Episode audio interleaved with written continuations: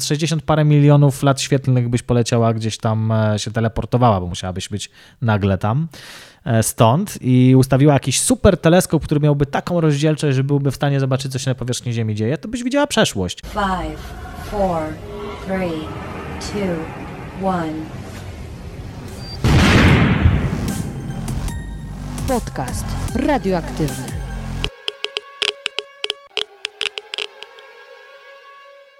Dzień dobry, dzień dobry. Ja nazywam się Małgosia Zmaczyńska, a ty słuchasz podcastu radioaktywnego, czyli luźnych rozmów na nietypowe tematy. Każdy odcinek, dostępny też jako wideo na YouTube, to spotkanie z ciekawym człowiekiem, dzięki któremu nabierzesz świeżego spojrzenia na tylko z pozoru oczywiste sprawy. Do ilu potrafi liczyć gołąb? Dlaczego dopełniacz jest satanistą?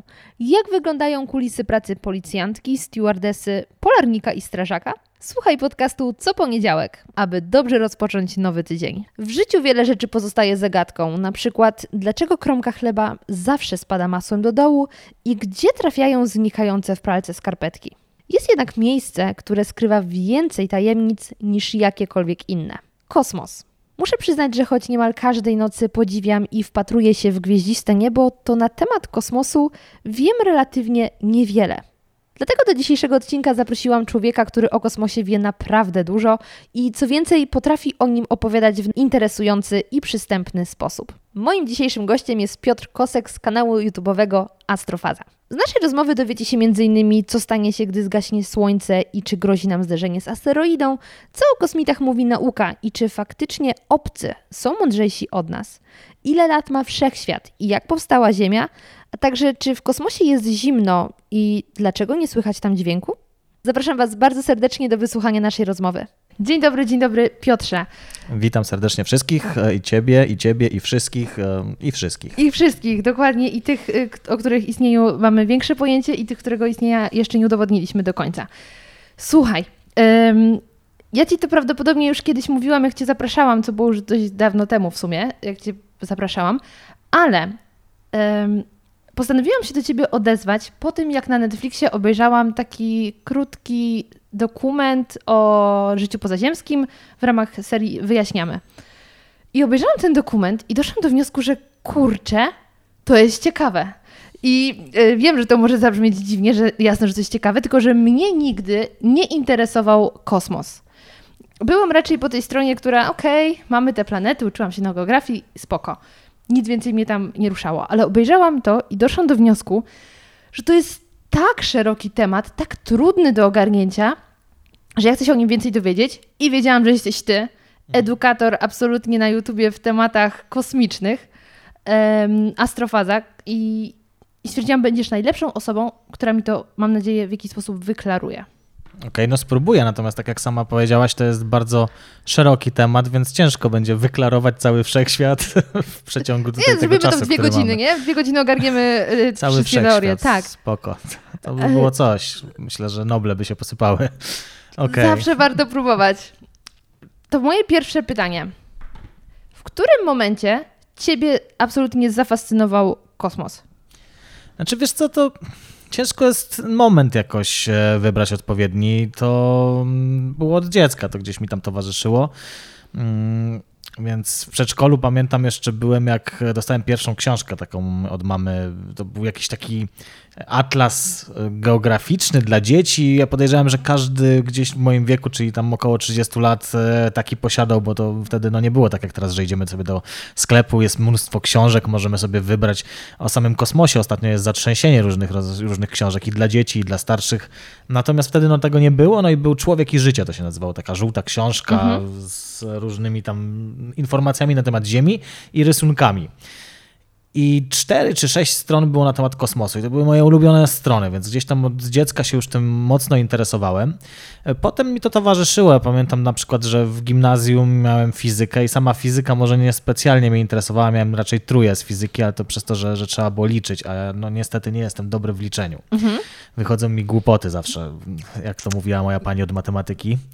Natomiast e, sama teoria bardzo mi się podobała i na przykład często zostawaliśmy gdzieś tam po lekcjach e, z nauczycielką od fizyki i rozmawialiśmy na tematy jakiejś tam fizyki kwantowej. Oczywiście wtedy bardzo mało na ten temat wiedziałem, e, tyle co gdzieś wyczytałem, ale na przykład miałem książkę Krótka historia czasu Stephena Hawkinga, ilustrowana nawet krótka historia czasu. To jest bardzo fajna pozycja. Tu serdecznie polecam, jakby ktoś chciał sobie gdzieś kiedyś nabyć właśnie krótką historię czasu. To jest taki, można powiedzieć, bestseller w tej dziedzinie. E, To koniecznie ilustrowaną, bo ona dużo e, więcej rzeczy wyjaśnia niż tak suchy tekst, który gdzieś tam się czyta.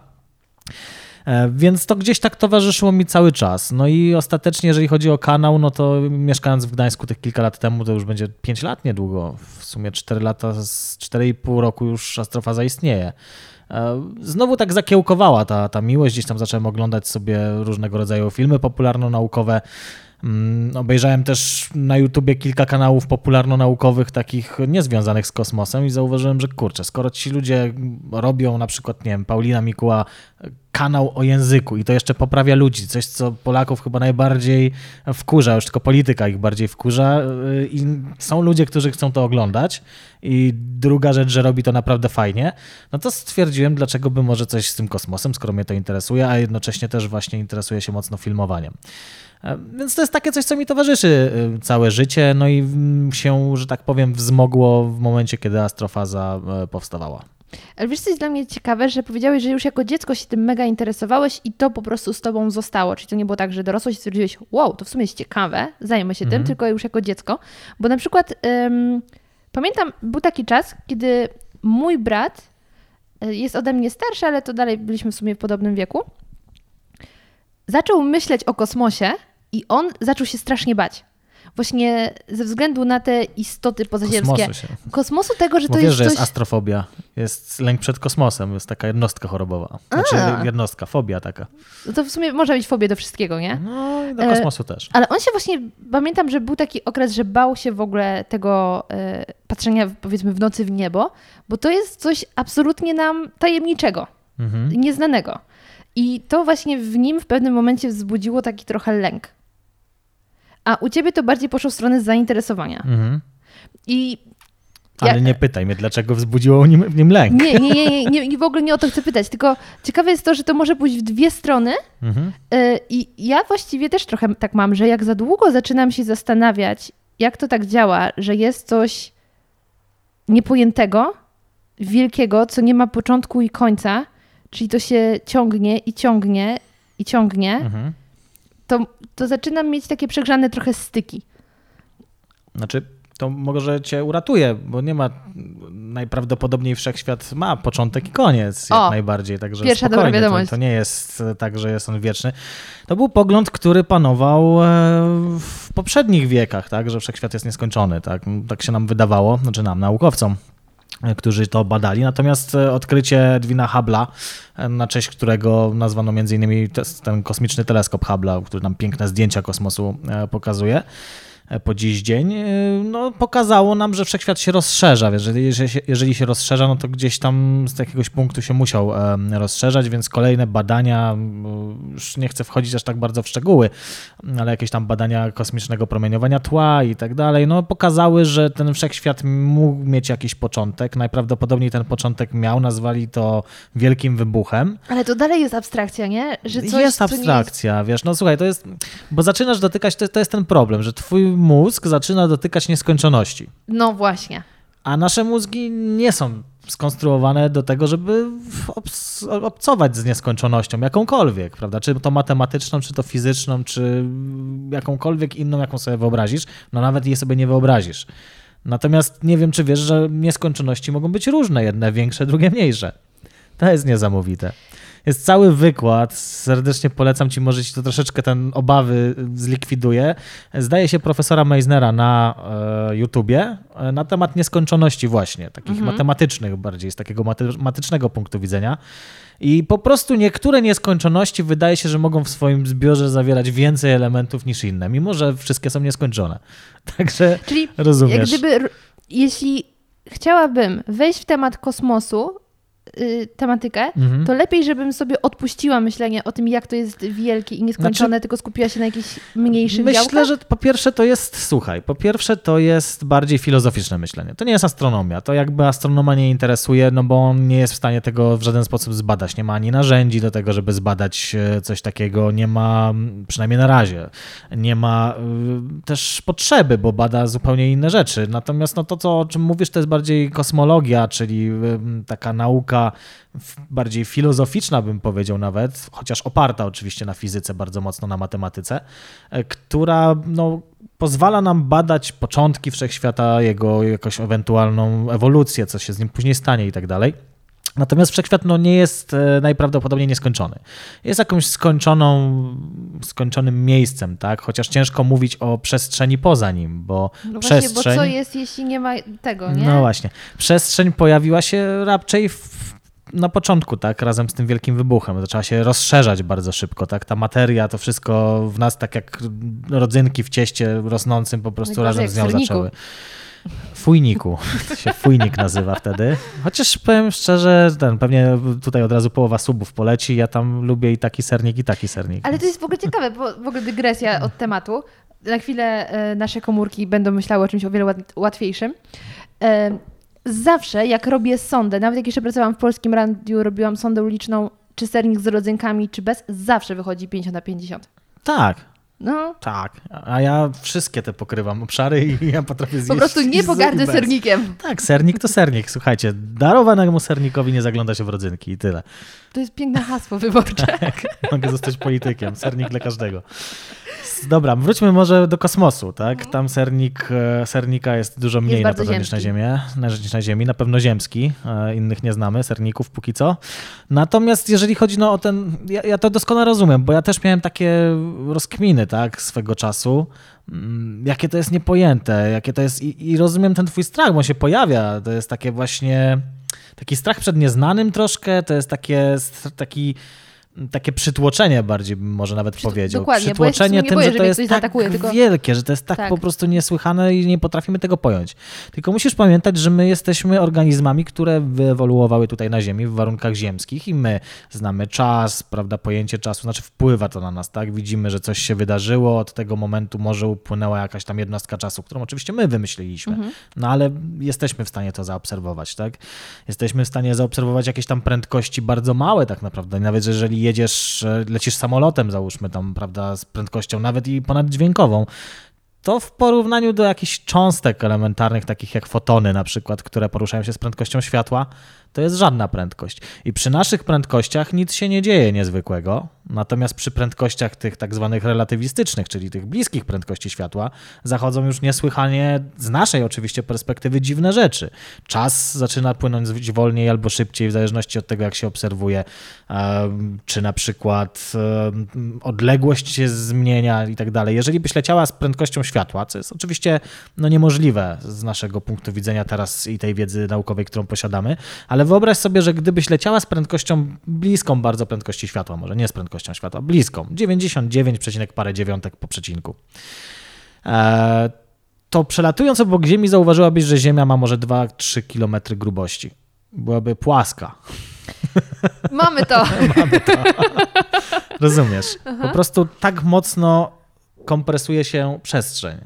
Dlaczego? No dlatego, żeby skompensować tę prędkość, bo prędkość jest stała, to wiemy. Ona musi być stała zawsze. Co by się nie działo. No to jeżeli prędkość jest stała, widzimy, że jeden, jeden podróżnik doleciał szybciej niż drugi, a mieli do przebycia teoretycznie taką samą odległość, no to co?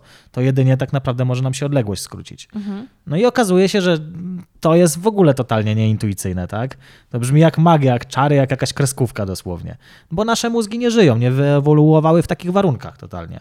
No z drugiej strony, dla małych dzieci, które nie mają jeszcze abstrakcyjnego myślenia tak rozwiniętego, już totalną bajką jest to, jak masz dwie szklanki o różnym kształcie i nagle ta sama pojemność, ale jedna jest z wyższym poziomem. No dla dzieci to też jest trudne do pojęcia. Chociaż co, tak jest po prostu. wydaje mi się, że to jest kwestia odpowiedniego języka. Dzieci mają swój język i to jest tak, jakbyś chciała coś wytłumaczyć komuś, kto nie rozmawia po polsku i nie używała jego języka. Jest duża szansa, że mu tego nie wytłumaczy, że on tego nie zrozumie. Tomek Rożek, nie wiem czy kojarzysz, to jest też popularyzator. On prowadził Sondę 2 w, mhm. w telewizji, ma swój kanał Nauka to lubię, e, więc e, on na przykład opowiedział mi, jak on uczy dzieci, małe dzieci fizyki kwantowej. Na przykład pytają go, o to, y, żeby zaproponował jakiś temat, właśnie jak zapraszają go gdzieś tam na, na jakąś prelekcję. A on mówi, cząstki elementarne. Nie no, panie Tomaszu, no przecież to są małe dzieci, one tego nie mhm. zrozumieją. Panie, on nie docenia swoich dzieci. Cząstki elementarne, e, kwarki, prawda, te sprawy i tak dalej, ja im to pięknie wytłumaczę. I on przyjeżdża, wyobraź sobie na miejsce, i daje tym dzieciom takie same klocki Lego Nałóżmy czerwone czwórki, nie? czy coś w tym guście. Daje wiaderko każdemu z tych dzieci. No i mówi tym dzieciom, ok, dzielicie się na grupki, powiedzmy tam po trzy osoby, macie teraz e, trochę czasu, zbudujcie coś. I wszystkie budują. No tam, prawda, jedni zbudowali zamek, drudzy zbudowali smoka, trzeci zbudowali, nie wiem, wysypisko śmieci, bo tak wyglądało to właściwie, jakby rzuciły to i tak dalej. No i Tomek mówi im wtedy, słuchajcie, zobaczcie, dostaliście takie same klocki, wszystkie były takie same, a zbudowaliście tyle różnych rzeczy. Jest zamek, jest smok, jest samochód, jest, prawda, nie wiem, jakiś tam wieżowiec czy cokolwiek innego. I tak samo jest ze światem dookoła nas. Nie wiem, czy wiesz, ale składasz się tylko tak naprawdę z dwóch cząstek, można powiedzieć. Mimo, że jest ich całe zo, mnóstwo i tak dalej to my składamy się z dwóch, no z trzech, jeżeli chcemy być tacy już super dokładni. Z dwóch kwarków, górnego i dolnego, i z elektronów. I to jest wszystko. Podstawowe klocki Lego. Ale to, jak je ułożysz ze sobą, to sprawia, że możesz mieć dom, możesz mieć smoka, możesz mieć samochód, a możesz mieć ten mikrofon, który trzymam. Dlaczego na moich lekcjach fizyki takich rzeczy nie było? No to jest właśnie to, że dopiero tak naprawdę dzisiaj, zaś my mieliśmy model pruski szkoły, tak, gdzie to nie było ważne. Miałaś mhm. być albo żołnierzem, albo pracownikiem fabryki i tyle. E, natomiast e, no to dzisiaj się dopiero gdzieś tam zauważa pewne takie rzeczy, takie nowe formy nauczania. Ja myślę, że to się będzie pojawiało, coraz musi się pojawiać, bo inaczej no, będziemy produkować bardzo dużo zbędnych ludzi na rynku pracy, który nie będzie potrzebował przy automatyzacji niektórych zawodów. E, więc to się będzie zmieniało, no ale my niestety możemy dzisiaj tylko trafiać na takie perełki, jak na przykład ta, która tutaj przez Tomka jest zaprezentowana. Natomiast to pokazuje, że wie, że to jest kwestia języka i tu wrócę do tych nieskończoności, do tego, o czym mówiłaś, że cię to tak przytłacza. To tylko dlatego, że ten wszechświat, ta nieskończoność mówi do ciebie innym językiem. Mhm. Twój mózg tego nie dekoduje. Ale w momencie, kiedy zaczynasz temat zgłębiać, tak jak ja już kilka lat, wiesz, siedzę tak mocno w tym, bo wcześniej to było takie, no, no pasja jakaś tam, hobby, mhm. prawda, sobie to czytałem, różne rzeczy e, oglądałem i tak dalej. Natomiast od tych kilku lat, no to wygląda troszkę tak, jakbym był na studiach jakichś takich e, bardzo interdyscyplinarnych, bo to nie jest stricte astronomia, ale też astronautyka, ale też, prawda, właśnie kosmologia jakaś i tak dalej. I, i chłoniesz te rzeczy, prawda, bardzo często, bardzo dużo czytasz na ten temat, bardzo dużo gdzieś tam też produkujesz na ten temat, to jest też ważne, uruchamiasz swoją wyobraźnię, żeby o tym opowiedzieć. Tak, musisz dobrze zrozumieć, żeby prosto wytłumaczyć. Dokładnie to nagle, wiesz co, przestaje to być takie fantazyjne, bo zaczynasz się mocno ocierać, to zaczynasz rozumieć te pewne rzeczy, te nieskończoności i wiesz, że twój mózg tego nie obejmie, bo po prostu masz ograniczenia, tak jak nie skoczymy na 200 metrów w górę, chociażbyśmy cudawianki tutaj wyczyniali, treningi, diety i cokolwiek innego, nie damy radę, bo po prostu nasz ciało, nasze ciało jest tak zbudowane, że nie damy radę. Pchła da radę, Mhm. Sobie tak jak sobie, prawda, to e, gdzieś tam li, ktoś liczył, to pchła zdaje się jest w stanie skoczyć na taką odległość względem swojego ciała, od długości, i tak jakbyśmy my mogli stadion przeskoczyć. Okej. Okay. Ale ona skubana. jest tak zbudowana, skubana, no. Mm. Natomiast my nie jesteśmy tak zbudowani i nie zrobimy tego. Natomiast możemy się bardzo dużo dowiedzieć na temat samej mechaniki takiego skoku. I to jest właśnie dokładnie to. Ja nie będę w stanie zrozumieć tego nigdy, bo mój mózg mi na to nie pozwoli, bo on został stworzony do życia w innych realiach. Tak jak jest nieintuicyjne dla nas to, co ci opowiadałem o tych prędkościach, że zmienia się odległość. No, w życiu nie zaobserwowałaś, żeby coś się krótsze stawało. A staje się, bo jak ty byś teraz szła, to ja z twojej perspektywy by byłbym jeszcze taki no, szczuplejszy byłbym. Także to fajne jest w sumie. Ale nie zauważysz tego, bo ten, to wahanie jest bardzo małe. To są jakieś tam tysięczne, a może nawet i milionowe e, części promienia protonu. Czyli zapomnij, to są w ogóle odległości, o jakich można sobie no, dać sobie spokój, tak? Nie wyobrazisz ich sobie. Ale wiesz, co jest dla mnie niezwykle fascynujące? Że fizyka, nauka, którą no z jednej strony można powiedzieć stworzył człowiek, a z drugiej strony może dopiero odkrył człowiek, no bo fizyka po prostu jest i my ją zaczynamy rozumieć, oddekodować powiedzmy, mhm. to te prawa, które my jesteśmy w stanie ogarnąć i działają na Ziemi, jesteśmy też w stanie odnieść do tego, co jest poza Ziemią. Mhm. I na tamte warunki to przełożyć. I dla mnie to jest w sumie fascynujące, że coś, co my sobie tutaj stworzyliśmy na Ziemi, odnosi się do tych terenów poza. Znaczy, bo widzisz, bo to nie jest tak, że my stworzyliśmy fizykę. No właśnie, tylko jak gdyby oddekodowujemy. Fizyka to jest de prawa. facto taki metajęzyk, bym powiedział, opisujący coś, co jest. Tak? Naukowcy, fizycy przez e, setki lat tak naprawdę obserwowali, bo nauka to jest obserwacja, przede wszystkim opisywanie tego, co zaobserwowałaś. Przynajmniej powinna być. No wiadomo, jak to czasami bywa. Natomiast, interpretacja bywa dokładnie. czasem. Natomiast, e, natomiast to jest taki, wiesz, język, który opisuje matematycznie bo wtedy widzimy, czy to się zgadza, bo to, bo, bo o co chodzi? Najpierw zwróćmy uwagę, że, że nasz świat, w którym żyjemy, świat ludzi, to nie jest świat obiektywny, to jest świat percepcji. My coś spostrzegamy, ale to niekoniecznie znaczy, że tak jest. Nasz mózg lubi nas bardzo oszukiwać.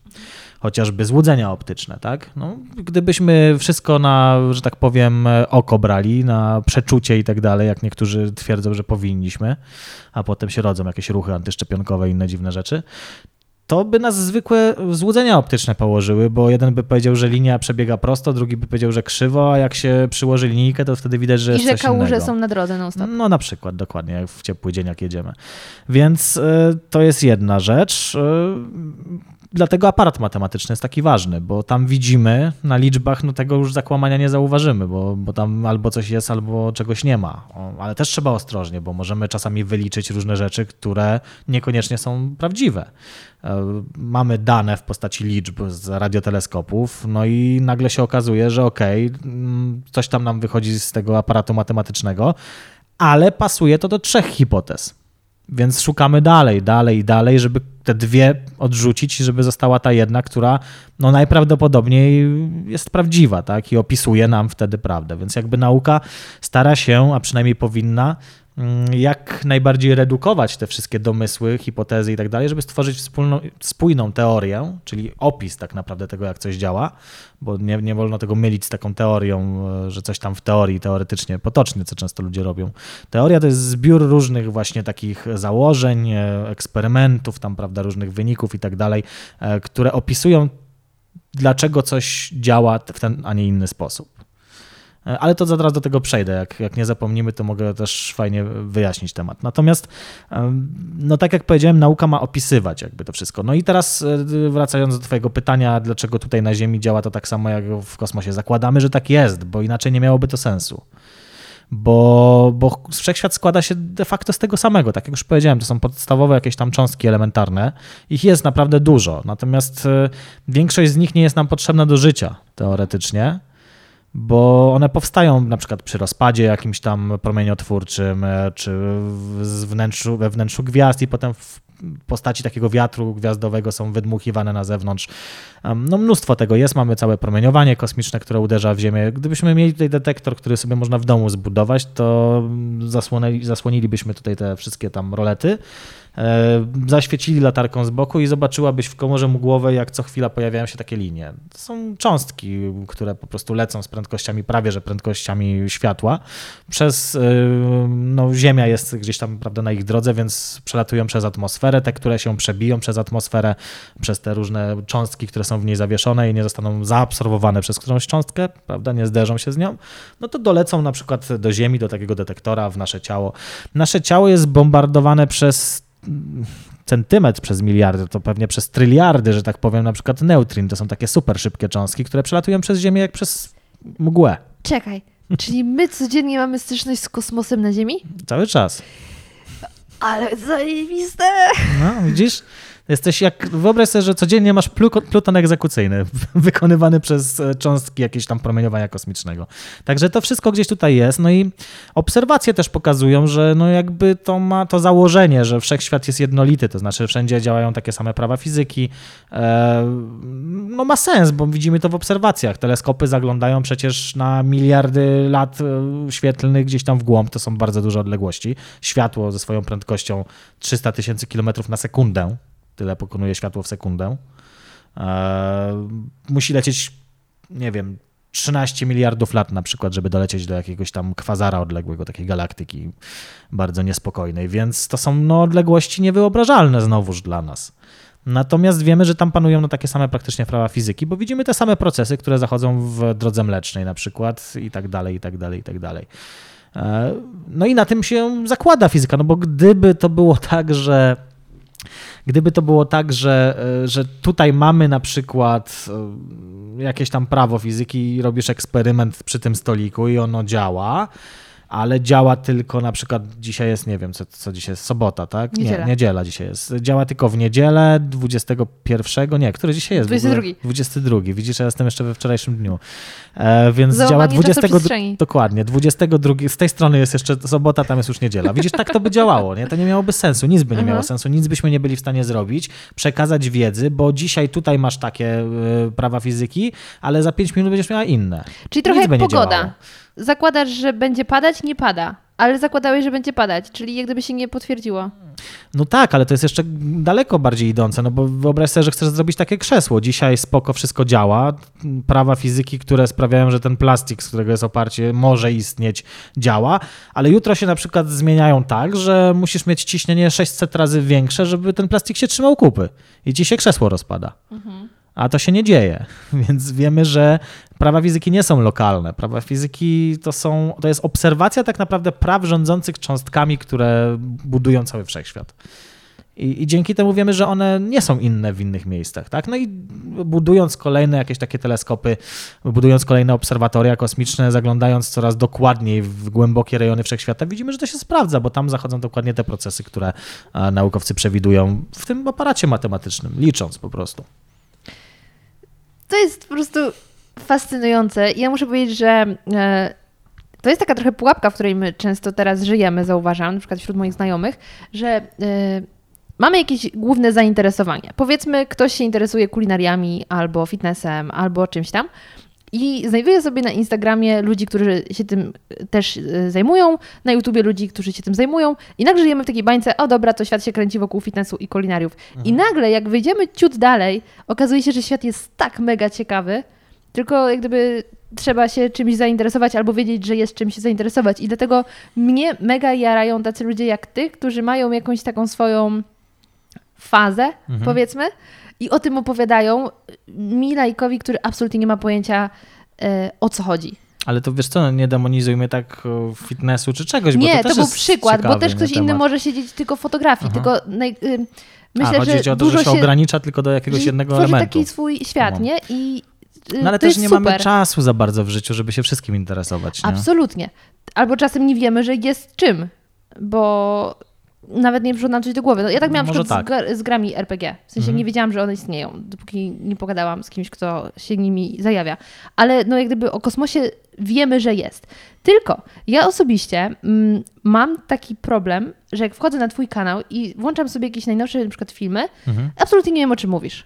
W sensie mówisz to w sposób na pewno przystępny, tylko ja nie mam podstaw. I chciałam cię zapytać, jakie należy mieć podstawy, albo od czego zacząć, po co sięgnąć, żeby najpierw sobie zbudować taki basic, żeby później móc śledzić bieżące informacje, które właśnie, tak jak mówisz, przeglądasz, więc na tobie już nie robią takiego wrażenia, bo jakoś sobie to systematyzujesz. Żeby właśnie dojść do tego, może nie takiego etapu jak ty jesteś, bo to już jest wyższy level, ale żeby zrozumieć te podstawy. A powiedz mi, czego na przykład nie rozumiesz? Znaczy w sensie odcinek o czym? Przykładowo, żebym dobrze zrozumiał. Na przykład teraz jak y, była ta konferencja jakaś Mhm. i najnowsze doniesienia i wiesz, ja słucham, że są na przykład jakieś nowe odkrycia, czy coś, że jest jakaś nowa gwiazda, czy jakieś e, tego typu rzeczy i ja tak myślę, okej, ale mamy drogę mleczną, mamy swoją galaktykę, ale są inne galaktyki, w sensie jak? No normalnie wyobraź sobie ocean i masz na niej różne wyspy, to dokładnie to samo. Natomiast e, wiesz, to, to ciężko stwierdzić tak naprawdę, bo na drugim kanale mam drugi kanał Astro Chillout, tam takie mhm. mamy luźniejsze tematy. Jest taka na przykład seria, która nazywa się e, Co to jest? I tam mamy takie krótkie właśnie dosłownie minuta 30, dwie minuty z kawałkiem dosłownie odcinki, w których wyjaśniamy pokrótce, tak bez zagłębiania się w szczegóły, co to jest na przykład właśnie foton, co to jest na przykład coś tam, coś tam i tak dalej. Nie? Więc jakby mogę polecić to na początek. Może jakieś takie podstawowe książki o kosmosie, tylko wiesz, no ja już nie wiem za bardzo, co jest na rynku w, tej, w tym segmencie, bo mnie aż tak on nie interesuje, mhm. ale to też słuszna jest e, koncepcja, bo wiesz, no my jakby robimy to też program nie naukowy, tylko popularno-naukowy. To jest jakby bardzo ważne, żeby zrozumieć różnicę że jeżeli ktoś szuka takich suchych, fajnych faktów, takiego mięsa, to u nas najczęściej go nie znajdzie aż tak dużo, bo to nie jest kanał naukowy. Tam nie ma, nie, nie, nie rozkładamy na czynniki pierwsze e, dokumentów naukowych, prawda, które piszą gdzieś tam prac i tak dalej, e, a są takie kanały i jak najbardziej można sobie je znaleźć, e, tylko bardziej właśnie to jest popularno-naukowe. Ta pop w tym jest dosyć ważne, bo my to upraszczamy na tyle, żeby przeciętny człowiek był w stanie zrozumieć. Ja myślę też, że wiesz, to jest kwestia też tego, że może weszłaś po prostu na taki akurat odcinek, który był już tam bardziej zaawansowany, a gdybyś śledziła kanał już jakiś czas, to wychwyciłabyś, bo to jest trochę, wiesz co, myślę, że są dwa podejścia. Albo sobie kupić jakąś taką książkę naprawdę na zasadzie nie wstydzić, tylko pójść i wziąć sobie książkę Astronomia dla dzieci. To jest mój poziom absolutnie w temacie. Tak, ale to się nie ma co wstydzić. To nie znaczy, że jesteś dzieckiem, tylko po no prostu jasne, nigdy się nie, nie interesowałaś na przykład, tylko, ale to będzie przystępne. Może język będzie infantylny, ale przynajmniej nie będzie niepotrzebnych jakichś tam e, takich zabiegów e, autora, żeby się mógł popisać swoją wiedzą i czasami jest tak, że autorzy tam jakieś, prawda, trudne słowa, bo czegoś nie wyjaśnią, no przecież powinni to wiedzieć. No nie, jeżeli robimy książkę dla kogoś, kto jest, może to jest pomysł, może taką książkę powinien zrobić właśnie dla dorosłych, a jak dla dzieci, nie? No, cóż, ostatnio Masz. szukałem pomysłu, także widzisz, dzięki. Natomiast e, poważnie... Jesteś pierwszym kupcem. Dobrze, natomiast to dostaniesz gratis ten o, e, autorski egzemplarz. E, słuchaj, nie no, ale poważnie wracając do tematu, no to myślę, że to może być na przykład jakaś taka książka, albo podejść do tego tak, jak niektórzy robią z językiem, że jadą do obcego kraju i po prostu są zmuszeni, mhm. żeby żeby się uczyć tego języka, bo po prostu jeżeli się go nie nauczą słuchając, to zaginą tam, że tak powiem. No to możesz po prostu zacząć oglądać i to nieważne, teraz nie rozumiesz, ale za trzy odcinki już zrozumiesz, bo trzy razy usłyszysz o czymś tam, co jest związane z czymś tam, no i twój mózg sam połączy fakty. Okay. Doczytasz w Wikipedii. On, naprawdę powiem ci, że jeżeli chodzi o astronomiczne tematy, to w Wikipedii jest bardzo mało błędów, bo tam potrafi być mnóstwo błędów, zwłaszcza historyczne, to jest sieczka straszna, bo tam... Historia w ogóle jest trudną dziedziną, bo to jest często tam, względne. No, to chodzi, że tam łatwo też o ideologię różne i tak dalej. No, w astronomii no, ideologia za bardzo, no nie, nie ten... Nie. Płaskoziemcy. No, ale to nie jest ideologia, to jest jak aberracja jakaś. Okej. Okay, no tak większość to trole, no nie oszukujmy się. Jakaś tam zabawa w stylu szturmu na strefę 51, który miał miejsce chyba dwa dni temu, czy no coś takiego. Słyszałam coś. o tym. Oglądałem na żywo w nocy. Zjechałeś, bo prawie milion ludzi e, zdecyd- no, na, znaczy zagłosowało, kliknęło, że weźmie udział tam na wydarzeniu na Facebooku. Natomiast oczywiście wiadomo jak to jest, weźmie tyle, przyjedzie tak. jeden promil tego, no i tak faktycznie może ze 100 osób tam gdzieś było i stało. Powiem ci szczerze, że chyba zrobię odcinek na ten temat. Trochę mnie to z jednej strony było śmieszne, z drugiej strony trochę mi było szkoda tych policjantów, którzy musieli w środku nocy stać, zamiast siedzieć w domu z rodzinami na przykład, czy tam w ogóle robić coś, na co mieli ochotę spać i tak dalej. E, to musieli stać i, i, pilnować bandy jakichś, prawda, oszołomów, którzy robili sobie jajca pod bazą militarną. Ale właśnie, jaki był ich cel? Znaczy, no, tego zgromadzenia. To jest to trolling typowy, no bo znaczy tam pewnie przyjechało trochę takich szurów typowych właśnie tam e, wierzących bardzo mocno w UFO w strefie 51, bo znaczy trzeba wiedzieć, czym jest strefa 51. Strefa 51 to była, bo żeby było śmieszniej, to przez to, że takie zainteresowanie od lat nią jest, no to przenieśli całe te wszystkie tak zwane czarne projekty, które tam się odbywały, do innej strefy, też na Nevadzie, ale gdzieś na północ bardziej, z tego co, co, co kojarzę i pamiętam.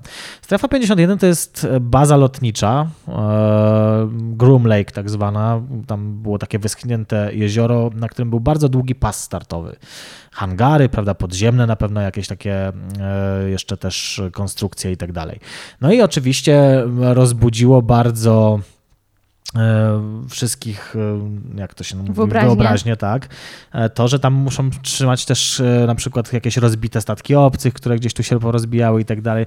Kurczę, no powiem szczerze, że jakoś ciężko mi jest sobie wyobrazić taką usterkę w statku obcym, żeby się rozbił jeżeli potrafi przemierzyć taką odległość gdzieś tam pomiędzy gwiazdami. No ale okej, wszystko jest możliwe.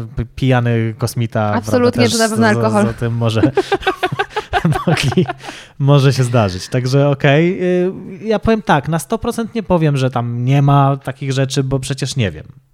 Mhm. To jest kwestia tylko wiary. No, no nie mamy wiedzy, żeby wiedzieć. Nikt z nas, ani ty, ani ja nie byli w środku, więc możemy wiedzieć tylko to, co nam mówią gdzieś tam e, władze. No i władze twierdzą, że to jest baza lotnicza zwykła do testowania tam e, nowych samolotów. Natomiast prawda jest taka, że jest to najprawdopodobniej była to najprawdopodobniej baza do testowania tak zwanych czarnych projektów, czyli takich, e, na które pieniądze idą troszeczkę okrężną, drogą, drogą.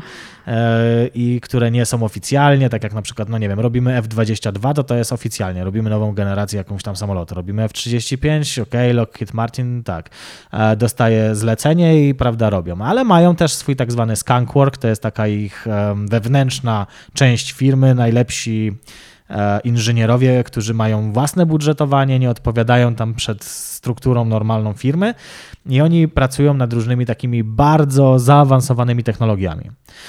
No i takimi technologiami był na przykład samolot F-117A. To taki, mogłaś widzieć gdzieś taki wysoki, jak, jak piramida taka latająca dosłownie, e, niewidzialny dla radarów samolot w technologii stealth wykonany. Czy na przykład e, samolot B-2, to takie tak zwane latające skrzydło, bombowiec, e, właściwie płaski bombowiec e, w kształcie trójkąta, na planie trójkąta. I ciekawostka.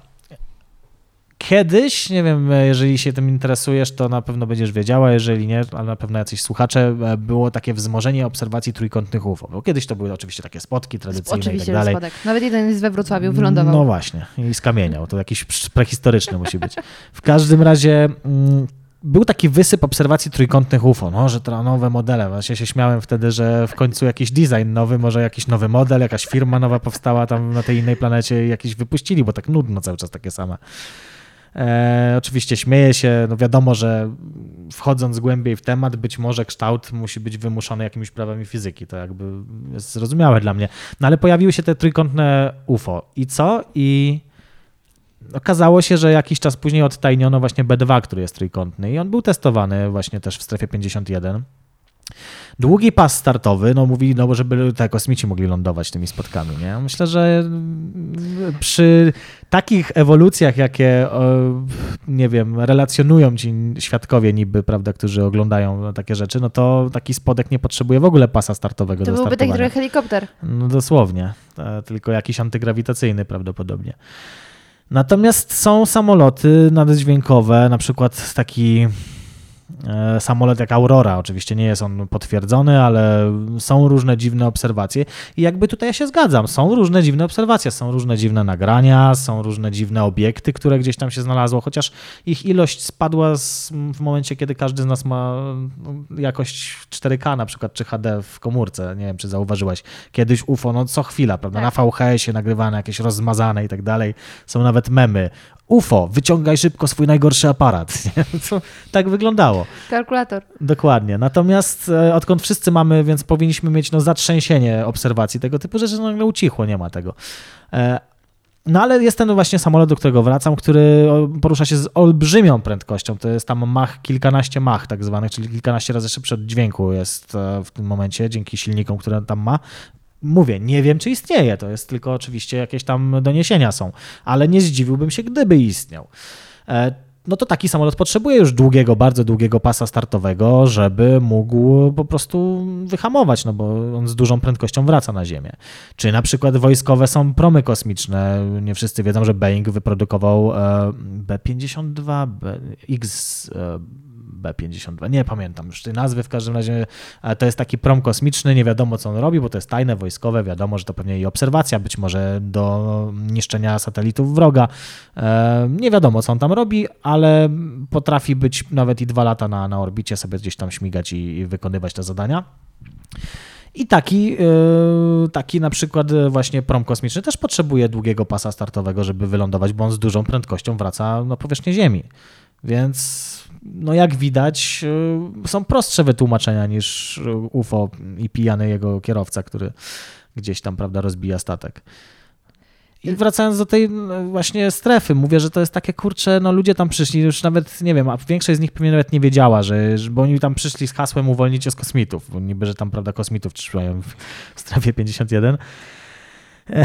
I Elon Musk ostatnio powiedział, że gdyby ludzie już mieli kontakt z kosmitami, to on by wiedział i wszystkim powiedział, także żeby się Wierzę, nie żeby ekscytować. powiedział. Tak, i, on, i ja wiem, że on by wiedział. Przecież on się ze wszystkimi, z Lockheed Martin, Boeing, e, największy jakiś ten rząd Stanów Zjednoczonych, ze wszystkimi się zna, rozmawia i tak dalej, nie? Więc myślę, że jeżeli ktoś miałby wiedzieć na, na, na, na Ziemi, to Elon by wiedział. Natomiast e, oni tam przyszli właśnie e, uwolnić obcych i tak dalej z transparentami. Nawet niektóre były śmieszne, przyznaję.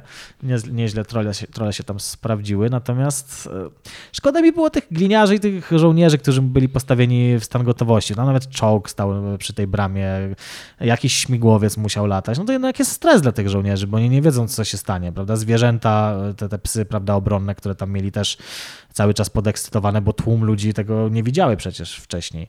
No i niektóre mózgi jeszcze wbiegały gdzieś tam e, na teren tej bazy, oczywiście. Kara tam jest 1000 dolarów chyba i plus To ewentualnie koszty 6 operacyjne miesięcy. znacznie wyższe. Tak, natomiast plus, plus minus tam jakieś 6 miesięcy w więzieniu też można spędzić za coś takiego.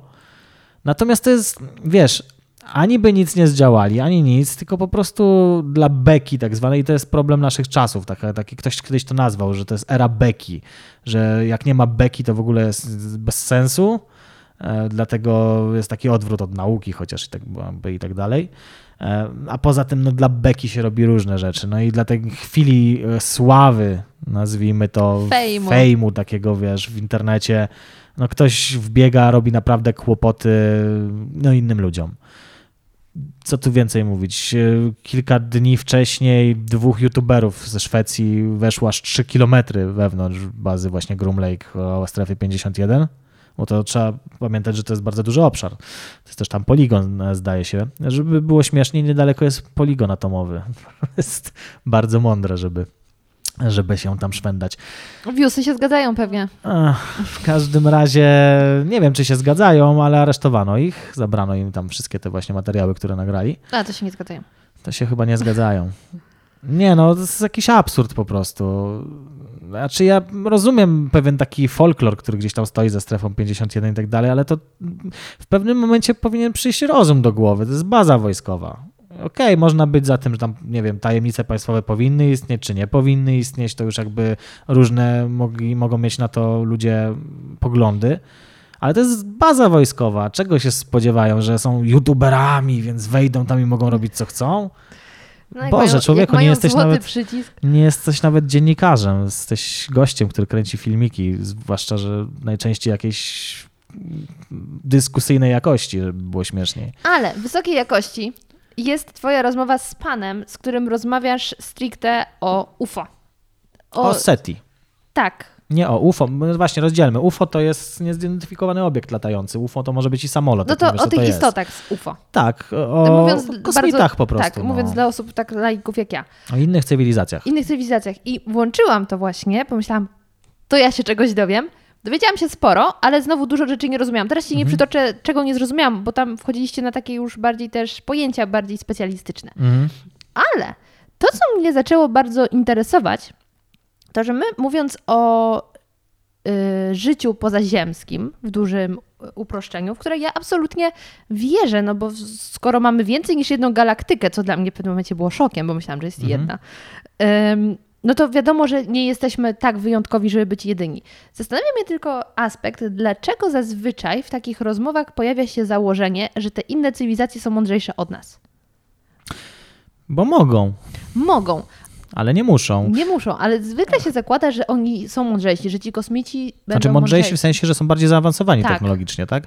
E, Wiesz co, czy się zakłada? E, Bo to jest ciekawsza, najciekawsza tak naprawdę opcja. No, jeżeli spotkalibyśmy cywiliz- znaczy jeżeli istniałaby tam cywilizacja nietechniczna, czyli taka jak nasza jeszcze tam kilkaset lat temu, e, nieposiadająca radia na przykład, jakichś takich e, wynalazków, które sprawiają, że emitujemy fale radiowe.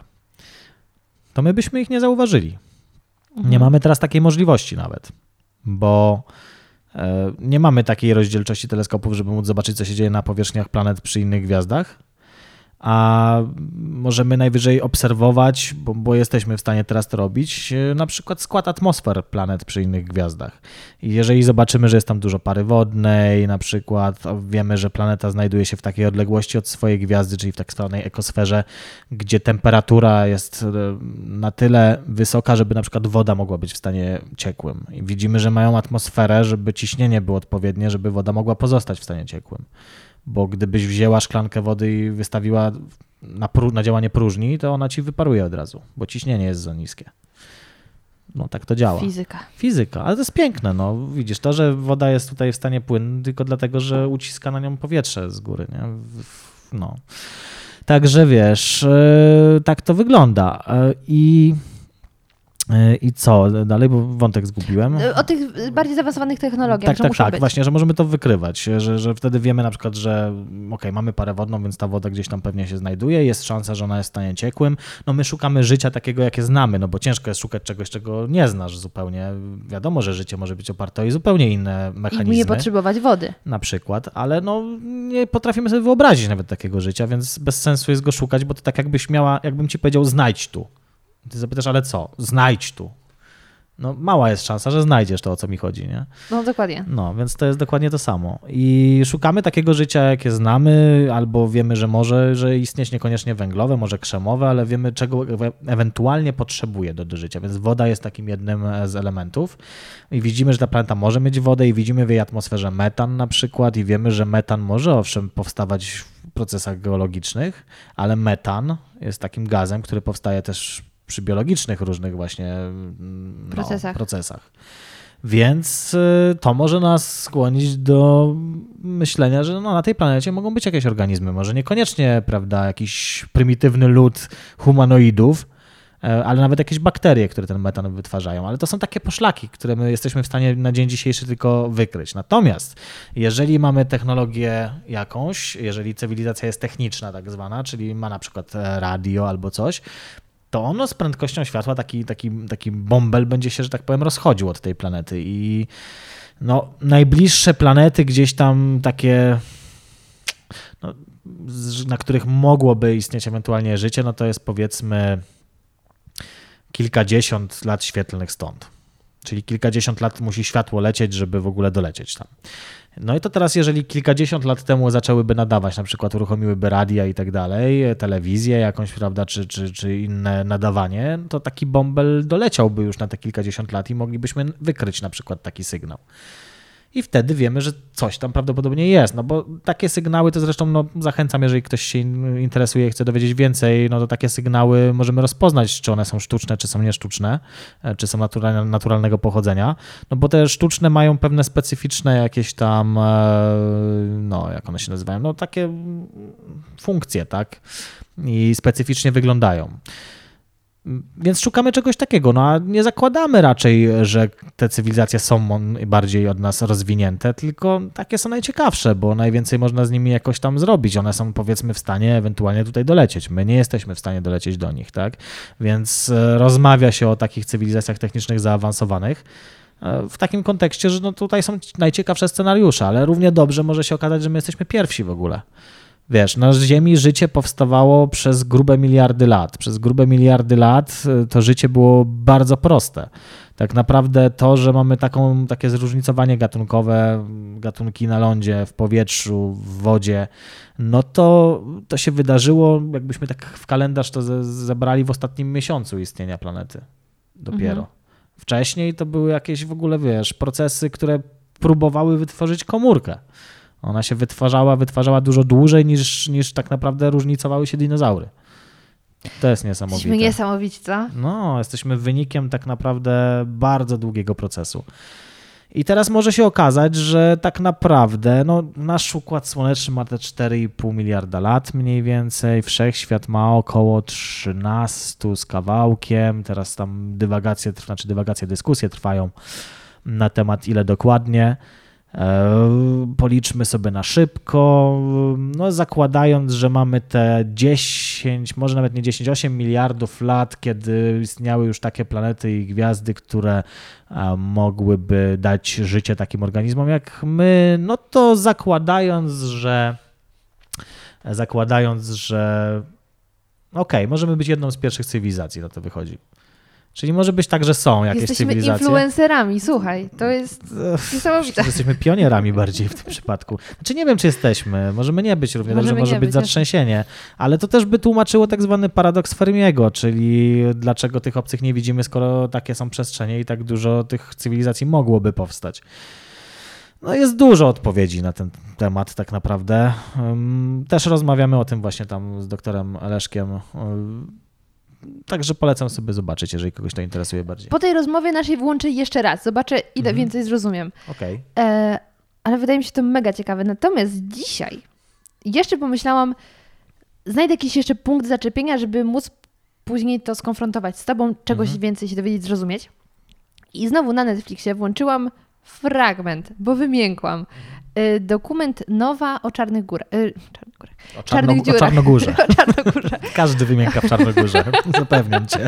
Jest, nie przejmuj się. I słuchaj, to co, to się, co się dzieje w 10 minutach tego filmu, co już mi rozwaliło absolutnie głowę, mm, była informacja, że w 2015 roku, we wrześniu, czyli właściwie prawie rocznica, odebrano sygnał w jakiejś tam bazie, który jest takim bardzo dziwnym dźwiękiem, mhm. który jest dowodem na to, że kiedyś tam stuknęły się dwie czarno, czarne dziury mhm. i powstała ta jedna i to jest dowód na to, że one są. Mm. Czy coś w tym stylu? Czy to poniekąd dowód na to, że są, dowodów na to, że istnieją czarne dziury jest dużo więcej mm. lepszych. To, o czym mówisz, to jest łączenie się czarnych dziur i fale grawitacyjne tak zwane. Mm. To znaczy, tak samo jak fale na wodzie, jak wrzucisz kamień. Woda jest ośrodkiem po prostu, do którego ten kamień wrzuciłaś i on zaburzył ten ośrodek. No i się koncentrycznie koła rozchodzą po prostu z tego miejsca, gdzie kamień wrzuciłaś, tak? Jedno od drugiego. Tak samo dzieje się z czasoprzestrzenią. Czasoprzestrzeń jest czymś takim, no nie wiemy do końca czym jest czasoprzestrzeń, czyli to coś, co wypełnia wszystko dookoła. E, ale, ale wiemy, że jest czymś, co może zmieniać kształt i ma na to wpływ masa. No tutaj musimy się cofnąć do Newtona niestety i do fizyki w szkole. Wiesz co, y, ale to będzie proces, spokojnie nie będziemy nic liczyć. Pamiętasz Newtona na pewno, nie? Spadające jabłko, ta legenda, tak, że tak, mu spadło tak. na głowę i on, prawda... To... Stwierdził wow, grawitacja. No dokładnie. On stwierdził, że dwa ciała o danej masie, prawda, przyciągają się. Większa masa, tym bardziej się przyciągają. Właśnie mi przypomniałeś, jak strasznie tłumaczył nam to pan od fizyki. O. Okay. Wolę sobie tego nie obrazować. Się w słuch. Nie chcesz. Okej, okay, to no. ja to spróbuję zobrazować lepiej. Dziękuję. Więc e, za Newtona, że tak powiem, to no, uważaliśmy, że no, te dwie szklanki się przyciągają też. Tylko, że Ziemia jest dużo bardziej masywna od tych dwóch szklanek, więc one się do siebie nie przyciągną, bo przyciąga je w tym momencie Ziemia w dół bardziej. Mhm. Natomiast gdybyśmy je zawiesili w przestrzeni kosmicznej, to jest prawda, one po jakimś czasie, gdyby nie były zaburzane w żaden inny sposób, to ta ich grawitacja sprawiłaby, żeby się do siebie zbliżyły. No i Newton uważał, że działa to w ten sposób, że dane ciało prawda, wytwarza jakąś tam siłę, prawda, która razem tak jak lina ściąga ze sobą. Einstein natomiast pojawił się dużo później, na początku XX wieku, opracował tak zwaną teorię względności. Tak. I teoria względności to wcale nie jest teoria, która mówi nam o tym, że minuta na rozgrzanym piecu gołym tyłkiem to trwa jak godzina, a godzina z piękną kobietą trwa jak minuta. Chociaż też jest to względne, ale mówi nam o czymś innym, a mianowicie o tym, że grawitacja działa troszeczkę inaczej, że grawitacja to jest efekt ugięcia czasoprzestrzeni. To znaczy, dookoła tego jest czasoprzestrzeń. Wyobraź sobie ją jako no, taką gumową, na przykład um, jakąś płachtę. Jakbyś położyła taką szklankę na niej, to ona ugnie tę płachtę. Chociaż miała taki dołek dookoła tej szklanki. I teraz, jak w jej pobliże tego dołka dasz drugą szklankę, ona też będzie swój dołek robiła, to zauważysz, że będzie się ślizgać po tym dołku. Po prostu tak jak na przykład, nie wiem, w zoo masz takie, takie lejki, gdzie się pieniądze wrzuca, nie wiem, czy widziałaś to. Jak wrzucisz pieniądz, to on po tym lejku tak sobie krąży, nie? I w końcu spada do środka. Ale co by się zaczęło ślizgać? W sensie tą szklankę, jak dajemy w ten dołek, to ta szklanka Tak, znaczy wiesz zaczęła musiałbym mieć dwie ręce, żeby ci to pokazać. Potrzymam ci. Okej. Dobra, mamy płaszczyznę, przestrzeń. Może szklanki to jest zły przykład, bo one są, widzisz, taki ten, ale weźmy kulki. Czekaj, dam ci kulkę, bo ja mam takie super kulki. A Poczekaj. masz jakąś płachtę? Musimy to zaprezentować. Zrobimy eksperyment, pokażemy wam grawitację. Dobra, o, są planety, świetnie. Chyba, że ci pokażę to po prostu w internecie i będzie najprościej. Hej, nie wiem czy wiecie, ale jeśli lubicie podcast, jeśli dzięki niemu nie możecie doczekać się już poniedziałku, żeby usłyszeć o kolejnej niezwykłej historii, to możecie postawić mi w zamian taką wirtualną kawę. Po co, jak i dlaczego? Po co? Ponieważ dzięki Waszemu wsparciu jest mi o wiele łatwiej pokryć koszty związane z produkcją podcastu. Podcast sam na siebie nie zarabia, nie mam żadnych sponsorów, więc wszelkie koszty są po mojej stronie. A jest ich całkiem sporo, ponieważ mm, korzystam z płatnych programów do montażu, ze stron internetowych, czasem podróżuję, żeby dotrzeć do moich gości i to wszystko generuje pewne koszty, które muszę pokrywać z własnej kieszeni. Jak? Wystarczy, że wejdziecie na stronę patronite.pl ukośnik zmacznego, za pośrednictwem której będziecie mogli przekazać mi na przykład miesięcznie 6 zł, czyli właśnie taką wirtualną kawę i w ten sposób dorzucić swoją cegiełkę do powstawania podcastu. Dlaczego? No oprócz tego, że ogromnie mi pomożecie, to przede wszystkim dołączycie do grona wspaniałych ludzi, moich patronusów, z którymi spotykam się na specjalnej grupie na Facebooku, robimy tam live'y, dyskutujemy, zachwycamy się kaczkami, a także planujemy jak podbić świat. Jeśli chcecie wiedzieć więcej, to zajrzyjcie na stronę patronite.pl ukośnik smacznego. Grawitacja zwizualizowana. Czekaj, że tak ci to pokażę. Dobra, widzisz, tutaj to niebieskie to jest, załóżmy, że to jest czasoprzestrzeń, nie? Masz gościa, który e, tłumaczy właśnie, jak to ma wyglądać i on za chwilkę wrzuci na tę czasoprzestrzeń jakiś masywny obiekt. Załóżmy, że planetę, czy, czy prawda, jakąś gwiazdę najlepiej. Gdzie to się... Dwa razy. O, widzisz? okej. Zobacz, ona zaburza tę czasoprzestrzeń w tym momencie, robi taki lejek, tylko oczywiście to jest w 2D, a trzeba to sobie jeszcze potem w 3D za, za, za ten... Widzisz, co się stało? No jedna wpada do drugiej. No, dlaczego? Bo już nie było płasko, bo No. było stromo. Widzisz? Okej, się- no tak. Wpadasz w lej grawitacyjny tej drugiej, tej drugiej Mhm. tego drugiego obiektu i się przyciągasz, a im większy ty robisz lej, tym szybciej się przyciągniecie do, do siebie. Wiem, że to ciężko sobie wyobrazić, Nie, bo, ale... bo pojawiło mi się w głowie pytanie, czy to jest kwestia, że one się przyciągają i tam wpada, czy po prostu kwestia, że jest dołek, więc wpada naturalnie, ale z drugiej strony nie poruszyłaby się z miejsca, gdyby nie było tego pewnie przyciągania już. No nie, właśnie chodzi, chodzi o to, że zobacz, wyobraź sobie, że jest płasko. Wyłączamy w ogóle masę. Wszystko Mhm. Tu jest jest płasko, dajmy. Dokładnie. No. Nic nie ma masy i kulki sobie stoją, nie? No i teraz wyobraź sobie, że włączamy masę w tej kulce. Mhm. I ona zaczyna zaginać nam czasoprzestrzeń, zaczyna się powiększać ten lejek. Mhm. On dociera, dociera, dociera tutaj i dociera nagle tak, że dla tej kulki już nie jest e, płasko. Mhm. Dla niej zaczyna być stromo. Więc co się stanie, gdybyś kulkę na przykład umieściła tutaj? No zacznie wpadać, No dokładnie, tak tej. działa grawitacja. Dlatego się przyciągają obiekty. A Mhm. jeszcze przy okazji widzisz, dlaczego są orbity.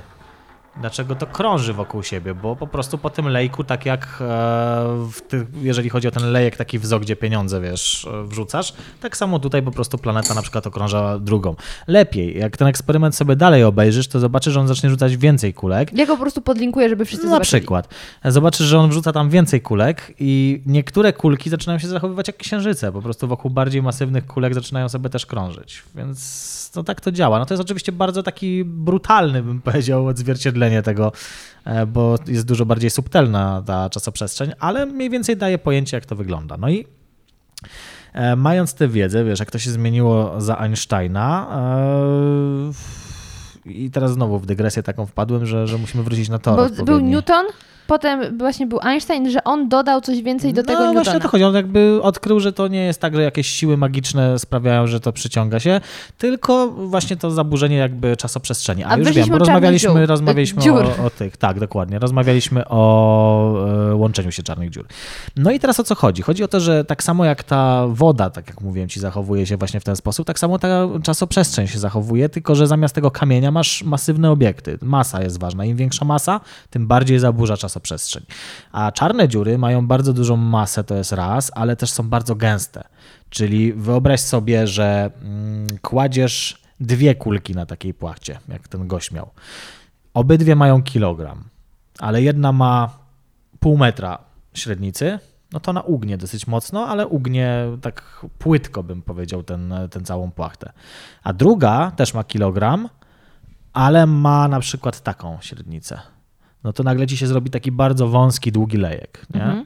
I tak samo działają, działają czarne dziury. To ugięcie czasoprzestrzeni jest olbrzymie po prostu, więc bardzo mocno skręca tę czasoprzestrzeń. I tak jak ten kamień wrzucony w wodę faluje wodę, tak samo czarne dziury, które dookoła siebie się obracają, falują czasoprzestrzeń. Rozumiesz? Ona zaczyna po prostu pulsować dosłownie.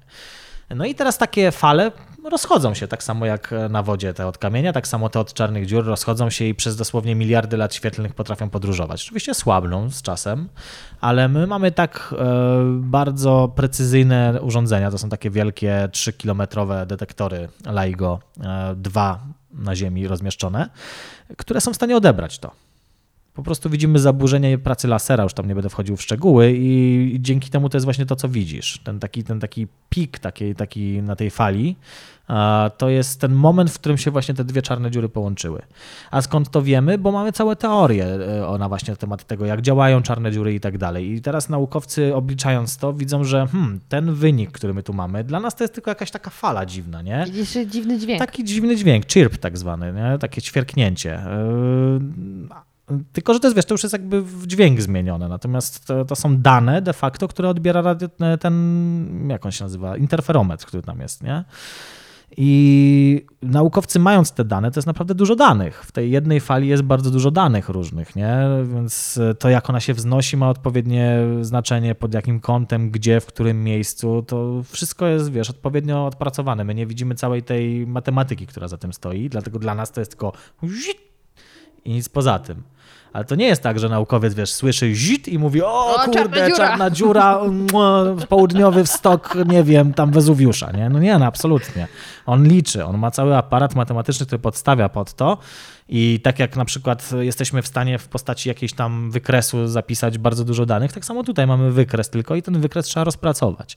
I rozpracowując go, sprawdzając, ok, na takiej wysokości, taka amplituda fali, takie to, tamto i tak dalej, e, widzimy, że to na przykład były dwie czarne dziury, a nie dwie gwiazdy neutronowe, czyli trochę lżejsze i inne obiekty. To jest... Ludzie są niesamowici. Tak, są, to prawda. A nauka jest wspaniała. Tylko e, oglądając ten dokument, jedna rzecz mnie zastanowiła, że mm, babeczka powiedziała, że ten eksperyment, czyli ta cała aparatura stoi w tym miejscu od 50 lat i dopiero w tym 2015 udało się odebrać ten dźwięk. Pięciu, dziesięciu lat? Nie, Tak na pewno zrozumiałam. Może od pięciu. Właśnie Tłumaczenie mowa, że może było. eksperyment trwa od 50 lat. LIGO? Nie, nie wyobrażam sobie, żeby mógł trwać tyle. Może źle zinterpretowałam. Wiesz co, e, jeżeli chodzi o LIGO, no może ja wytłumaczę, co to jest. Mhm. LIGO, e, czyli Laser Interferometer, coś tam, coś tam, coś tam, już nie pamiętam dokładnie nazwy. E, Coś tam Observatory, a Gravity Waves Ob- Observatory. Mhm. E, Jest to takie w kształcie L, można powiedzieć, no takie na planie mm, kąta prostego, dwa ramiona 3-kilometrowe.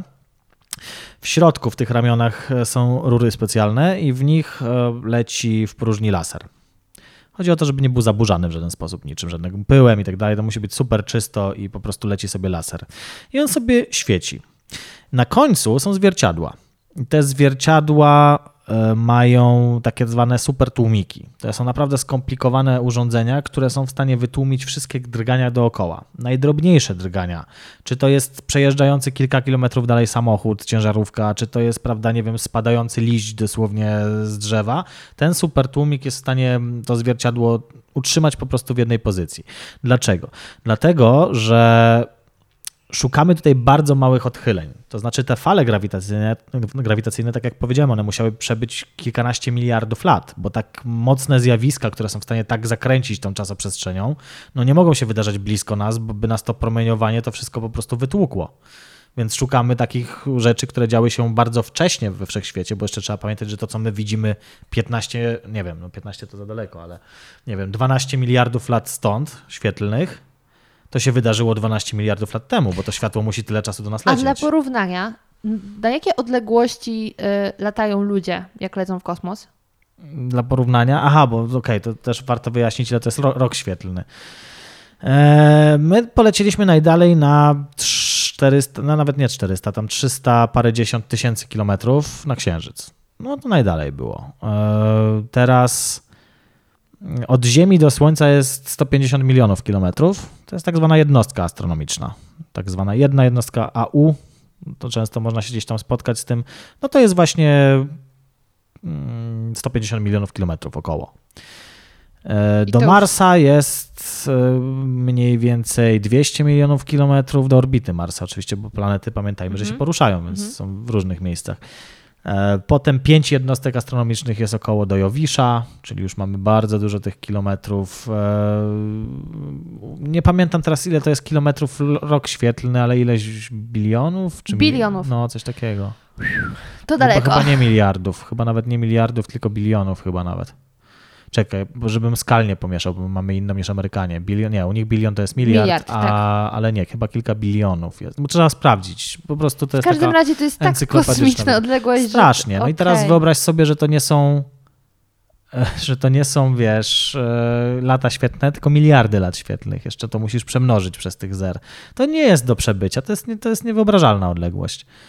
I te, nie wiem, 12 miliardów lat e, świetlnych stąd, pamiętaj, że światło leci przez rok świetlny rok, tak? Znaczy, rok, znaczy odległość roku świetlnego przebywa przez rok. Nasz. Tak, przez nasz ziemski rok. Więc jeżeli coś jest oddalone od nas o 12 miliardów lat świetlnych, to automatycznie my widzimy dopiero światło, które przyleciało 12 miliardów lat temu. Więc my widzimy przeszłość. Więc jakbyś się mogła teleportować gdzieś bardzo daleko, na przykład, nie wiem, 65 milionów e, lat świetlnych stąd, załóżmy. I, czekaj, ile lat temu dinozaury wyginęły? Jakoś tak mniej więcej. Nie? Według 60, niektórych parę. całkiem niedawno. tak. Więc no to ci niektórzy mogą wcześniej skończyć się zdziwić, a my polećmy jednak te 60 parę milionów lat e, temu to chyba było, więc 60 parę milionów lat świetlnych byś poleciała gdzieś tam e, się teleportowała, bo musiałabyś być nagle tam e, stąd i ustawiła jakiś super teleskop, który miałby taką rozdzielczość, że byłby w stanie zobaczyć, co się na powierzchni Ziemi dzieje, to byś widziała prze przeszłość, bo tam dopiero dociera to światło, które my wtedy wyemitowaliśmy. Nie? Więc my oglądamy przeszłość. Nie wiemy, co tam jest w tym momencie czy coś jest nawet. To jest pewnie już w innym miejscu też, bo przecież to wszystko się rusza, nie? A my widzimy tylko, bo to są takie odległości tego nie zauważasz codziennie, ale to zachodzi też tutaj. Jak ty widzisz mnie, to widzisz przeszłość. Tylko to jest taka ociupinka sekundy przeszłości. Czyli nie ma teraźniejszości? No nie ma, bo wiesz, zanim światło doleci, fotony odbite ode mnie dolecą do twojej siatkówki, to już mija ten jakiś tam bardzo ułamek, ułamka, ułamka, ułamka, ułamka sekundy. Czyli moi drodzy, sekundy. jak słuchacie tego podcastu, wiedzcie, że i tak jesteście już wszędzie spóźnieni. Właśnie, nie ma się co przejmować. Nie ma co się spieszyć. Nie ma co się tak śpieszyć. nie dogonicie czasu. No dobra, wracając do tego, tego, więc do tych mamy, laserów. Do tych laserów, tak. tak. Więc mamy te, te światło, znaczy ten, jak to się nazywa, te, te, te tłumiki, o których mówiłem.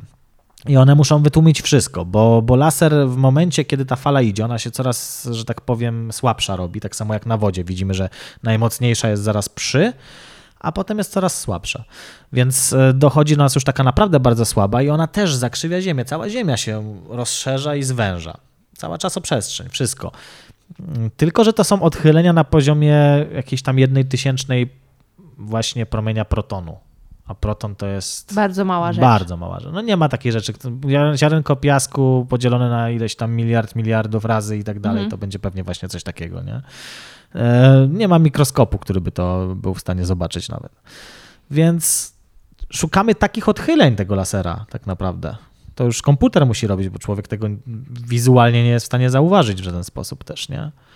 Więc y, to jest właśnie ten chirp, o którym mówiłaś, to te zmiany lasera i to w jaki sposób on zafaluje, bo to jest fala, która przechodzi po prostu i w odpowiedni sposób ugina nam e, tę czasoprzestrzeń.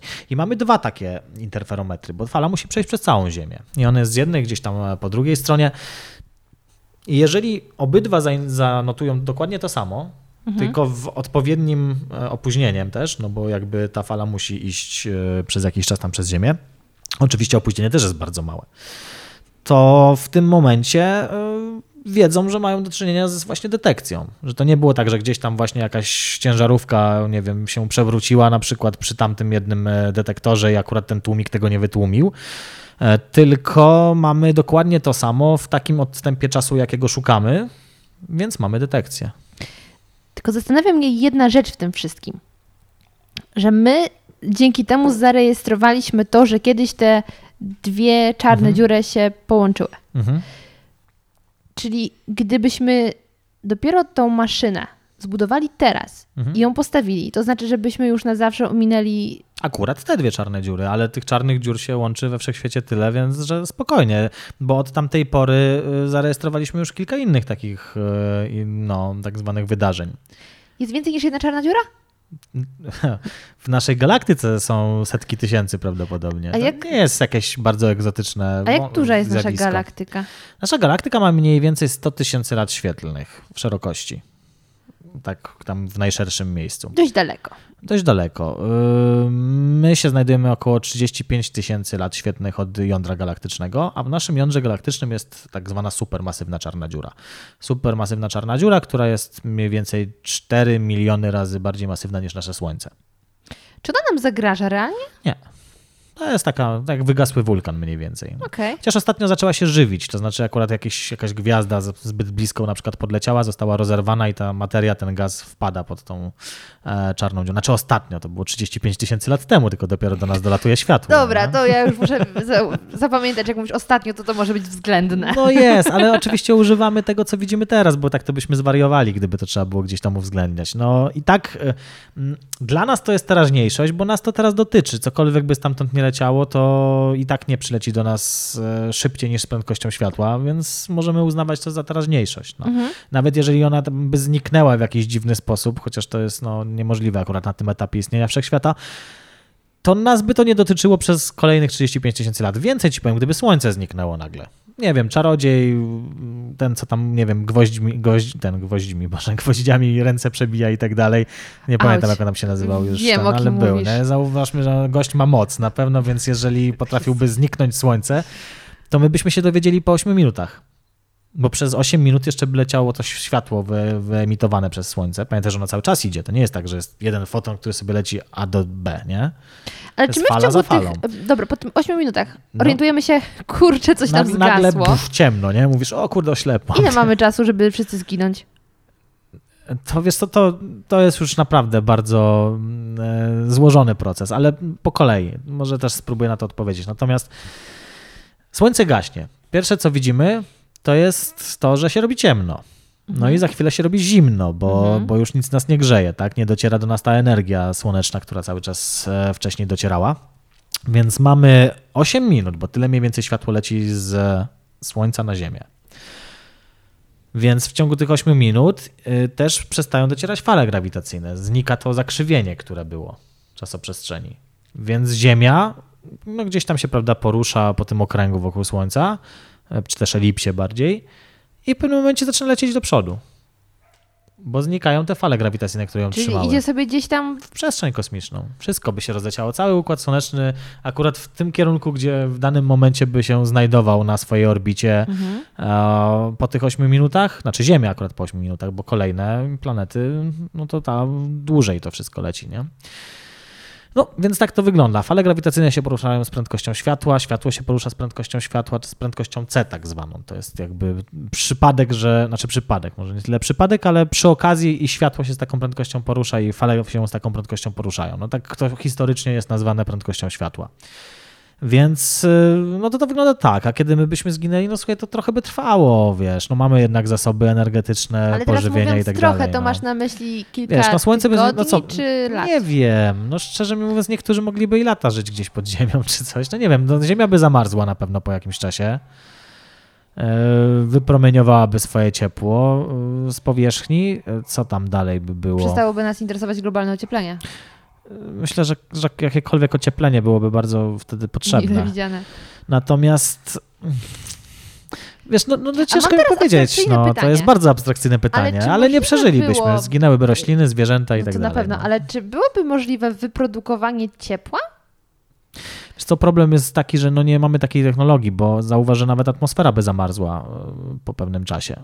Tak jak to ma Mhm. miejsce na przykład na Plutonie, tam atmosfera zamarza i on jak się zbliża do Słońca tam e, troszeczkę bardziej, ma taką orbitę wydłużoną trochę, to wtedy atmosfera się rozmraża i mamy taką otoczkę. Właśnie jak była misja do Plutona, to on był bliżej Słońca i mogliśmy zrobić przez jego atmosferę zdjęcie w kierunku Słońca, no i dzięki temu jej skład poznać. Natomiast na, no, na przy każdej planecie atmosfera by zamarzła w końcu, bo nie, nie byłoby nic, co by ją ogrzewało. Trochę może wnętrze Ziemi, bo tam pamiętajmy, że mamy jeszcze Jądro. stopione jądro i tak Mhm. dalej. Więc ono by jeszcze jakoś tam istniało. No, wyobrażam sobie jakieś scenariusze, ale z technologii nie ma. Gdzieś tam, żeby gdzieś tam w, pod ziemię się coraz bardziej wgryzać i korzystać z tego ciepła, które na przykład generuje jeszcze planeta. No ale to już by było coś takiego, no nie wiem, czy mamy w tym momencie technologię, żeby coś takiego wykonać, Okej. nie? Raczej nie, nie specjalnie mi się wydaje, ale no na zasadzie takiego e, przetrwalnictwa pewnie trochę by tej ludzkości jeszcze przez jakiś czas przetrwało. Część oczywiście niewielka z niej, ale ostatecznie no nie da się żyć na takiej planecie, no. Musielibyśmy zaadoptować nowe słońce. Tak. A to by było Słońce musiałoby zaadoptować nas, bo to No właśnie, wiesz. byłoby możliwe podpiąć, podpiąć się pod...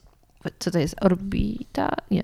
Ale orbita, znaczy w sensie? W sensie tak, żeby znowu mieć jakieś słońce, wokół którego moglibyśmy krążyć? No nie, ale to musiałabyś mieć jakąś możliwość e, poruszania się Ziemią jak statkiem kosmicznym. No, No, y, powiedziałeś, żeby się odczepiła od słońca, nie? No nie no, ona by poleciała gdzieś tam przed siebie, tak, w danym momencie. Natomiast jeżeli trafiłaby po... Tylko, że wiesz, no to jest prędkość 30, mniej więcej, ile ona ma? 20 parę kilometrów na sekundę leci Ziemia dookoła Słońca, więc taką prędkością e, przemierza mm, układ, znaczy ten, galaktykę w tym momencie, zanim trafiłaby na a to musiałaby jeszcze trafić odpowiednio na jakąś gwiazdę, żeby odpowiednio blisko niej się znaleźć, żeby złapała ją w swoją Okej, grawitację. raczej nie mamy szans. Szanse są nijakie, a to trwałoby setki tysięcy lat, żeby dolecieć pewnie do, do jakiejś najbliższej Okej. gwiazdy. Nie, to, to nie mam takich zapasów emerytury, żeby czekać. No, Słuchaj, ym, wpisałam w Google, czy w kosmosie? Okej. I byłam ciekawa, jakie będą pytania, które ludzie najczęściej zadają. Czy kiedyś takie coś sprawdzałeś? O co najczęściej pytają ludzie w kwestii kosmosu? Ale to dobre jest. Ha, proszę. sprawdzić tak. Pierwsze hasło i pytanie, czy w kosmosie jest zimno? A, i to jest świetne pytanie, bo można powiedzieć, że jest zimno. Często w filmach widać, że zamarzają przecież ci, ci ludzie i tak dalej. Ale w kosmosie nie jest ani zimno, ani ciepło, bo kosmos to próżnia z naszej perspektywy, a próżnia jest bardzo dobrym izolatorem. Jak masz na przykład między szybami próżnię, no to ta wewnętrzna nie będzie za bardzo zimna, jak na Mhm. zewnątrz jest zimno, bo jest o co chodzi. Temperaturę, ciepło właściwie, nie temperaturę, możemy przesyłać na trzy sposoby. Pierwsze to jest e, kondukcja, czyli jak położysz rękę na czymś ciepłym, to bezpośrednio z jednego do drugiego przechodzi ciepło. Mhm. Czujesz to ciepło Tak. po prostu, nie? Cząstki drgają i, i zaczynają też oddziaływać na cząstki w twoich, e, prawda, w twojej ręce i one też drgają i tak dalej. Więc to jest kondukcja. Może być konwekcja, tak działają grzejniki, to znaczy nagrzewają powietrze. I, pod, i powietrze Tylko powietrze jest, y, powietrze jest gorszym y, no, tym przewodnikiem cieplnym, no bo zobacz, idziesz do sauny, powietrze, ile ma, ile ma w saunie powietrze? 100 stopni? Nie wiem. W parowej pewnie tak. coś takiego, nie? No to dotknij teraz czegoś, co ma 100 stopni, to poczujesz od razu, że się nie da. A tam ludzie siedzą i siedzą, aż wiesz, się spocą dobrze i wychodzą, nie? Bo owszem, to ma 100 stopni, ale nie oddziałuje tak na ciebie, nie rozgrzewa ciebie od razu do 100 stopni. Mhm. Więc y, konwekcja jest no jeszcze gorszym takim niż kondukcja. Natomiast najgorszym jest e, przez promieniowanie, przez podczerwień dosłownie, tak jak słońce nas, e, że tak powiem, podgrzewa. No bo okej, wtedy no, są emitowane, prawda, fotony różne i tak dalej. Fale UV i te sprawy? to też jest promieniowanie, tak? Natomiast y, chodzi o to, że, że przez próżnię jest to jedyny sposób na to, żeby przenosić ciepło. Mhm. I teraz o co chodzi? Załóżmy, że wyleciałaś ze statku kosmicznego na zewnątrz i załóżmy, że no nie udusiłaś się, tak? E, Tam już pomijam fakt, że ciśnienie jest zerowe, więc też e, od razu byś tak jak nurek za szybko wynurzający się poczuła i, i rozerwałoby ci tam bardzo dużo naczyń krwionośnych wewnątrz. No, nieprzyjemna zupełnie śmierć by nastąpiła. Ale zakładając, że magicznie jesteś w stanie to wytrzymać, co by się stało? No to tak, przede wszystkim odparowałaby ci cała e, woda z powierzchni. Więc na pewno poczułabyś chłód, bo to jest tak mniej więcej jak właśnie na wietrze sobie posmarujesz czymś mokrym, no to czujesz chłód, tak, bo to paruje bardzo szybko. Więc w pierwszym momencie poczułabyś chłód, ale on by szybko ustąpił i ciekawe jest w sumie, co byś czuła. No, no pewnie nic byś nie czuła, bo nie byłoby w ogóle temperatury dookoła, dookoła ciebie, żadnej, teoretycznie, jakbyś termometr wystawiła. I teraz tak, jeżeli byłabyś gdzieś po nasłonecznionej części, czyli gwiazda na przykład by na ciebie świeciła, no to zaczęłabyś się zagrzewać. Powoli, wiesz, jak w mikrofalówce podgrzewałoby cię po prostu. Natomiast plecy by ci było zimno, bo tam byś wytracała ten... Najgorzej. No dosłownie. Tam byś wytracała ten, e, ten, e, to ciepło. Natomiast jeżeli byś na przykład została gdzieś w cieniu, nie wiem, przed tobą by się znajdowała jakaś, nie wiem, kawałek właśnie twojego statku kosmicznego i cały czas zakrywał to, to słońce, no to byś zamarzła po pewnym czasie, ale to wypromieniowywanie trwałoby pewnie, nie wiem, godzinami, może nawet dniami. Tego nie wiem, bo to trzeba by było policzyć. Natomiast nie jest tak, że wystawiasz rękę i u, zimno. To jest próżnia. Po, pomijając, że w ogóle pojęcie zimno jest pojęciem bardzo subiektywnym. No tak, jednemu będzie zimno, drugiemu nie. Okej, ale jak widać, odpowiedź nie jest oczywista. Na jak pewno. większość w kosmosie. Ha. Drugie pytanie, drugie hasło, które się pojawia. Czy można rozmawiać w kosmosie? Znaczy w sensie jak, tak normalnie? Że między Nie mam sobą? pojęcia. No, Takie było wpisane hasło. Czy, można, rozmawiać? Znaczy pewnie to właśnie nawiązuje do tego, że w kosmosie nic nie usłyszymy, e, ponieważ Właśnie kolejne nie ma pytanie. ośrodka. Czy słychać dźwięk? Nie, nie, bo nie ma ośrodka. Potrzebujemy jakiegoś. To, że ty słyszysz, co ja mówię, to jest dlatego, że powietrze drga odpowiednio, z odpowiednią częstotliwością, uderza w twoją błonę bębenkową, potem w kostki specjalne i tak dalej, i, i słyszysz dzięki temu, tak? Natomiast w przestrzeni kosmicznej nie ma ośrodka żadnego, który by przenosił ten dźwięk. Nie ma powietrza, nie ma atmosfery. Jest zbyt rzadko cząstki są położone, tam są No właśnie, bo to jest pojedyncze. kwestia gęstości, tak? Że to, że to Tak, dokładnie. Dlatego na przykład pod wodą inaczej słyszysz też, nie? Bo ośrodek jest bardziej gęsty. Jakbyś zagęściła. Fajny, na przykład, nie wiem, czy Grawitację oglądałaś. To jest e, fajny film właśnie na temat kosmosu, katastrofa promu kosmicznego A gdzie na on tym. jest? Nie wiem, gdzie teraz, A, kiedyś okej. w kinach leciał. E, Sandra Bullock chyba tam gra.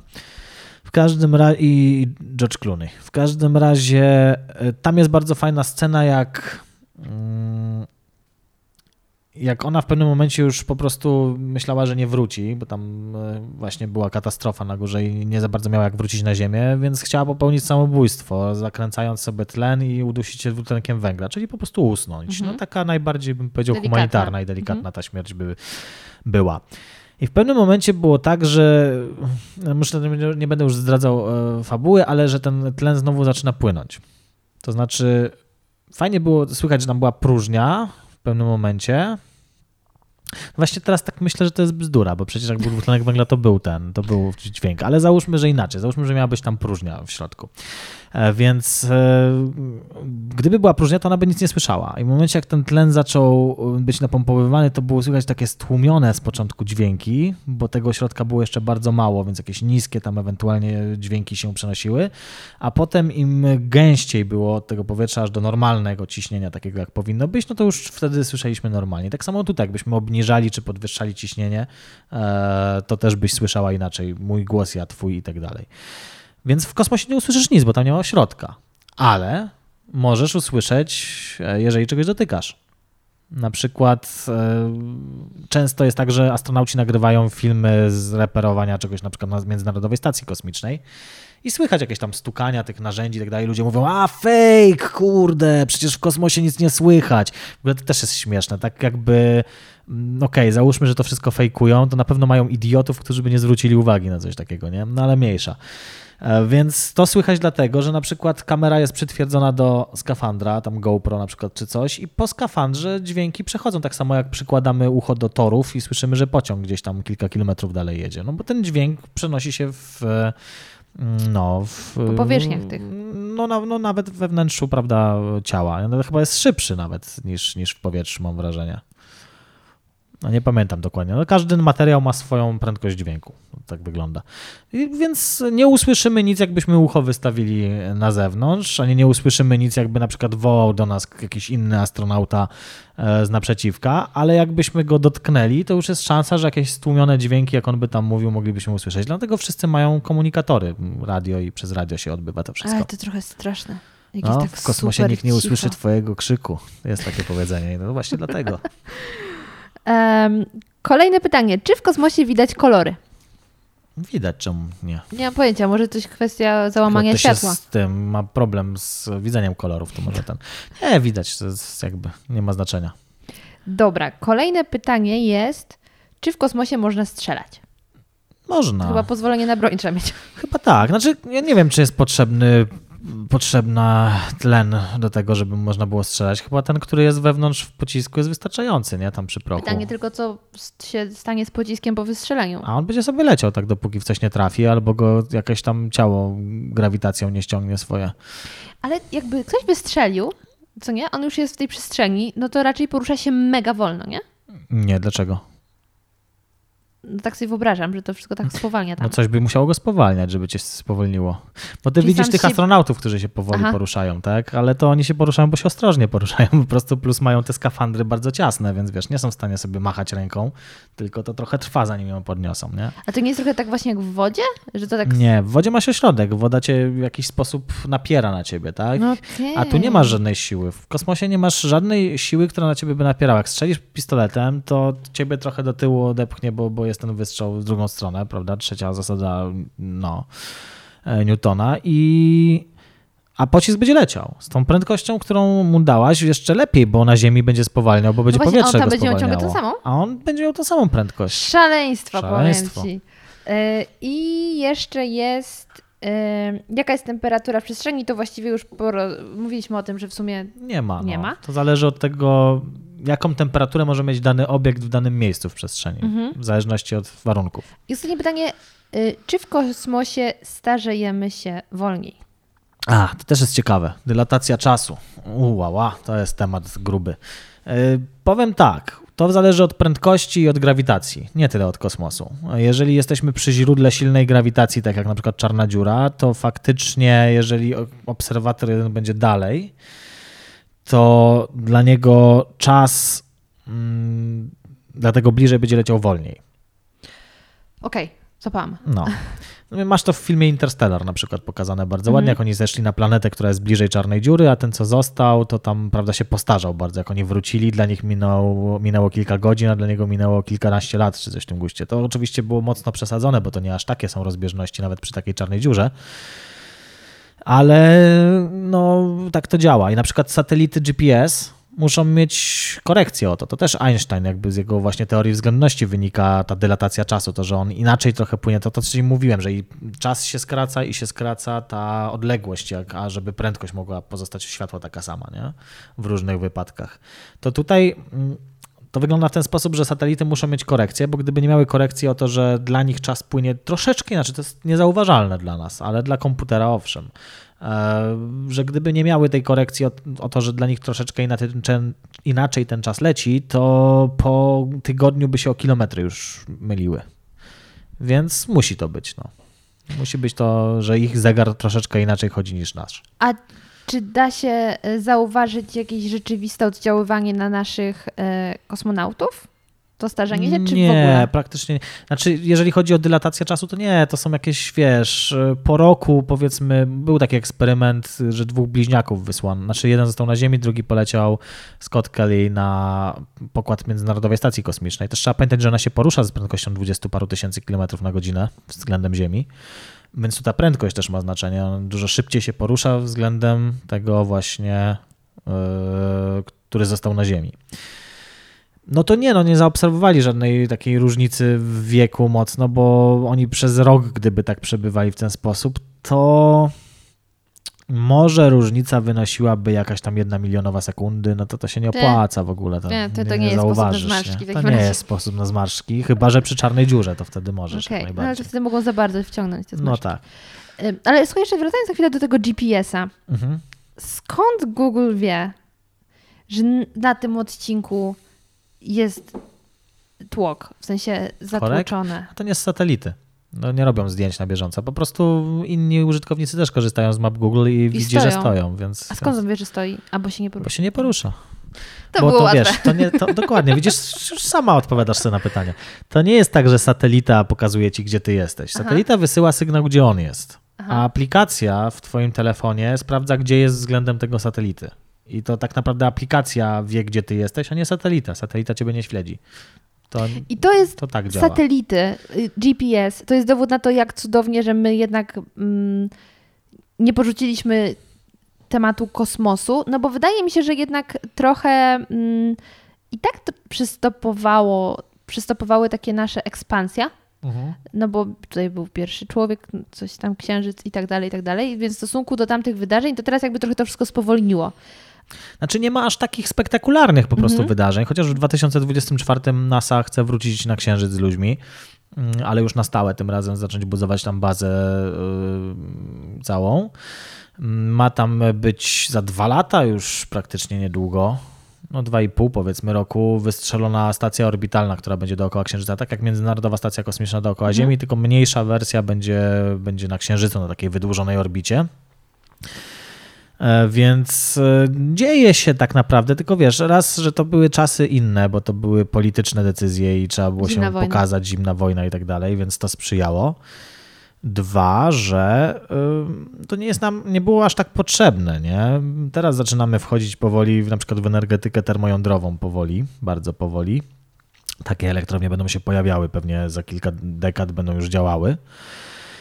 A na Księżycu jest paliwo, które może, znaczy inaczej, składnik taki L3, taki izotop, który może nam pomóc uzyskiwać jeszcze więcej energii takiej czystej właśnie z takich elektrowni, więc będzie bardzo łakomym kąskiem i dlatego już jakby się myśli, jak tam wrócić, jak tam za, na stałe się, że tak powiem, za, mm, Osadzić. za tak, gdzieś tam zainstalować e, i korzystać z tego.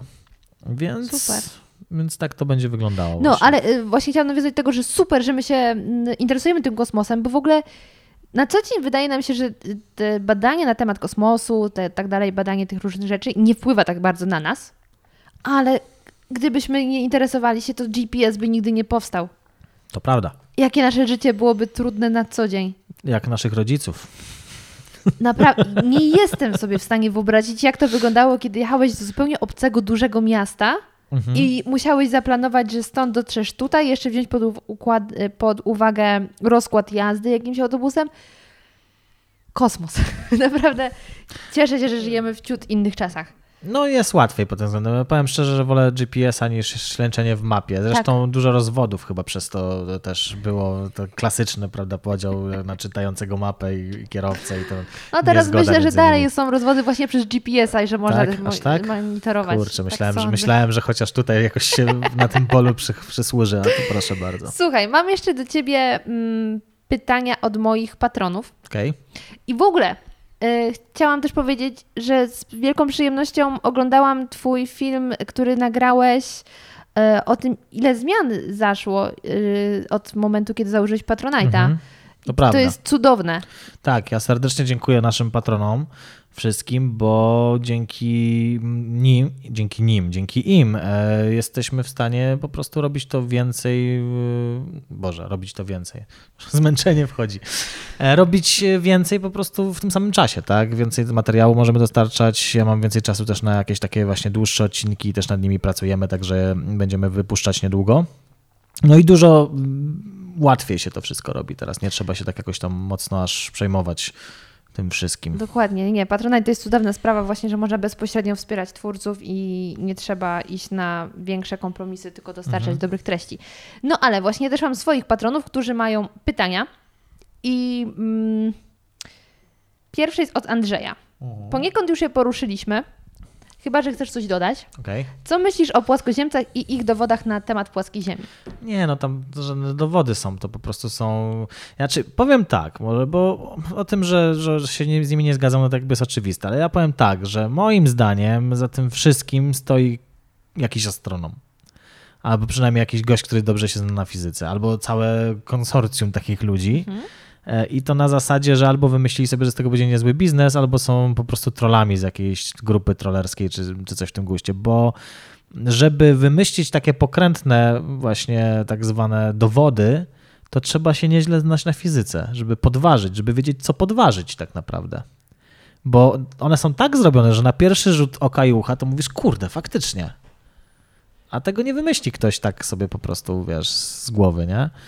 E, natomiast jeżeli masz wiedzę fizyczną, to od razu jesteś w stanie powiedzieć, no nie, bo tak na przykład. Ale nie? słuchaj, to jest też ciekawa teoria spiskowa, że... Znaczy to nie jest spiskowa, raczej na zasadzie, nie, nie chodzi mi o to, że wiesz, usiedli... O... Nie, nie, nie, ja wiem, ale to by, jeśli Tylko... pójść w stronę teorii no. spiskowej, to by było nawet ciekawe, że dzięki temu ludzie się jednak bardziej w ogóle zainteresowali tematyką kosmosu. Może, może tak, to, to też nie, nie jest głupie.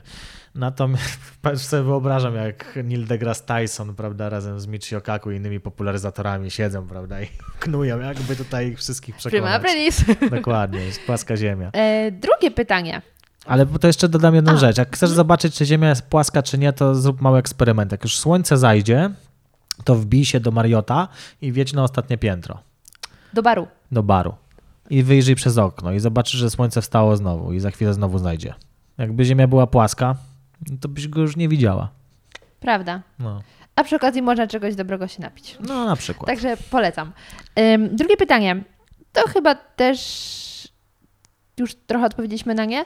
Czy to prawda, że naga dłoń zamarznie momentalnie w kosmosie tak, że będzie można ją odtłuc pewnie. Że będzie można ją oderwać bez problemu, chyba że nie będzie można ją oderwać bez problemu. Widziałem to w filmie Pomoc na dłoń. Tak, Pomoc na dłoń to był ten, e, jeden z filmów tej serii nowej, Miłość Roboty i coś tam, już nie pamiętam, taka długa, długi tytuł był. Bardzo fajna seria na Netflixie, polecam zresztą. -hmm. Dobre takie historie science fiction. No tam było coś takiego, że faktycznie bardzo fizyczny odcinek był, bo to było coś takiego, że astronautka została na zewnątrz i nie mogła wrócić. Była bardzo blisko chyba tam włazu czy coś, ale wiesz, po prostu no nie jesteś w stanie się ruszyć w ten sposób, od niczego się odepchnąć, niczego się złapać. E, to nie jest tak jak na ziemi, że tutaj sobie pójdziesz gdzieś, nie? Po prostu jesteś A zawieszona w przestrzeni. Nie, działa? nie, no nie działa, bo nie ma ośrodka, żeby się odepchnąć Jezu. od niego. Jesteś po prostu uwięziona. Widzisz dosłownie, wiesz, wejście tyle od siebie, ale jeżeli nie sięgniesz, to nie jesteś w stanie nic zrobić.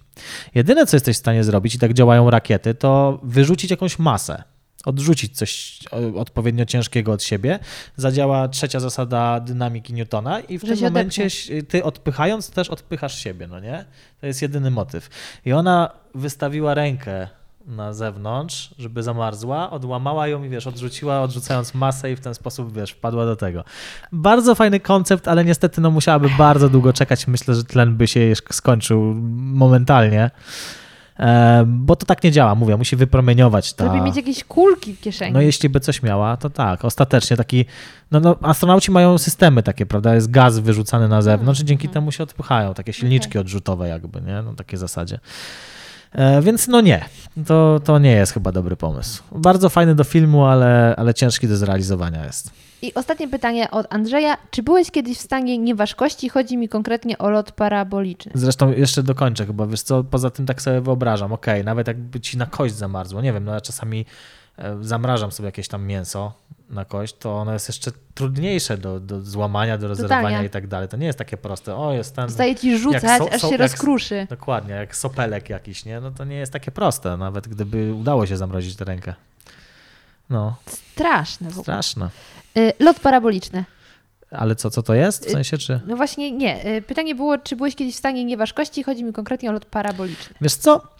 Byłem dwa razy w stanie nieważkości, ale nie w locie parabolicznym, bo to chodzi o taki samolot Zero G. To jest samolot, który leci w górę i zaczyna spadać. Bo stan niewa- nieważkości, dlaczego astronauci na międzynarodow- Międzynarodowej Stacji Kosmicznej fruwają w powietrzu jakby? Nie dlatego, że tam nie ma grawitacji. Tam grawitacja jest 90 parę procent tego, co na Ziemi praktycznie. Tam chodzi o to, że oni cały czas jakby spadali. Tylko po prostu mają taką prędkość, że ta Ziemia im, wiesz, ucieka spod nóg, że tak powiem, że latają dookoła. Ale to wygląda tak, jakby cały czas lecieli w dół, nie? E, Więc jakbyś zamknęła się w kartonowym pudle i wyrzuciliby cię z 20 piętra, to też byś była w stanie nieważkości przez pewien czas. No, Krótki mogła- bardzo, no, ale tak. dosłownie, no. I tutaj działa to tak samo. Ja byłem dwa razy w stanie nieważkości, e, znaczy w sensie tutaj działa to tak, że samolot leci w górę, potem przez chwilę opada i, i, i masz ten właśnie taki stan nieważkości. E, Tam przez 30 sekund zdaje się. Natomiast ja byłem dwa razy w stanie wa- nieważkości. Raz szybowcem, jak leciałem, to właśnie zrobił taki, taki ślisk przez chwilę e, pilot i no dosłownie widziałem, jak się pasek unosił od e, tych pasów bezpieczeństwa tej końcówki. Bardzo dziwne uczucie. Masz wrażenie, że po prostu nagle się zrobisz super lekka, a mózg wypłynie ci uszami dosłownie. Więc e, no, jedni lubią, drudzy nie lubią. No, można się przyzwyczaić na pewno. A druga e, rzecz, drugi raz to było znowuż w Energylandii na rollercoasterze. Tam jest taki rollercoaster Hyperion i on w pewnym momencie ma takie zagięcie, że jest przez bardzo krótki tak naprawdę czas, ale czuć właśnie stan nieważkości też, więc nie trzeba lecieć w przestrzeń kosmiczną, żeby móc poczuć stan nieważkości też na Ziemi. Ja się tak zastanawiam, czy to można uznać za sekundowy stan nieważkości, że em, ja jak zjeżdżam do mojego domu rodzinnego, to w pewnym momencie na trasie jest taka hopka Mhm. i tam samochód, jak idziesz ciut nawet szybciej, to cię wzbija i od razu Mhm, jak gdyby spadasz. mhm, Czy mhm. to już jest stan nieważkości? Czujesz takie, takie dziwne jakby- tak- uczucie, takie, no. takie tutaj, prawda, się rozchodzące. Nie wiem, czy stan nieważkości na pewno jakieś, albo może to być przeciążenie, albo to może być stan nieważkości, bo, bo to też czasami czuć e, przeciążenia. Może być ujemne, dodatnie i tak dalej, w zależności od tego, jak mocne, to tam różne efekty występują. Ale jak najbardziej może to być stan nieważkości. To wszystko zależy od tego, jak, jaki profil jest, prawda, jak to tam kształt ma to, Mhm. ta hopka i tak dalej, nie? Przyjrzę się jej następnym razem. No, znaczy w momencie, kiedy opadasz, to może być właśnie to, nie? Bo czujesz bezwład tak Mhm. naprawdę, nie? Y, Monika, jak myślisz, czy e, astroturystyka rozwinie się kiedyś na tyle, że nikogo nie będzie dziwiły wycieczki w kosmos i lot na Księżyc będzie równie egzotyczny co na Malediwy? Tak.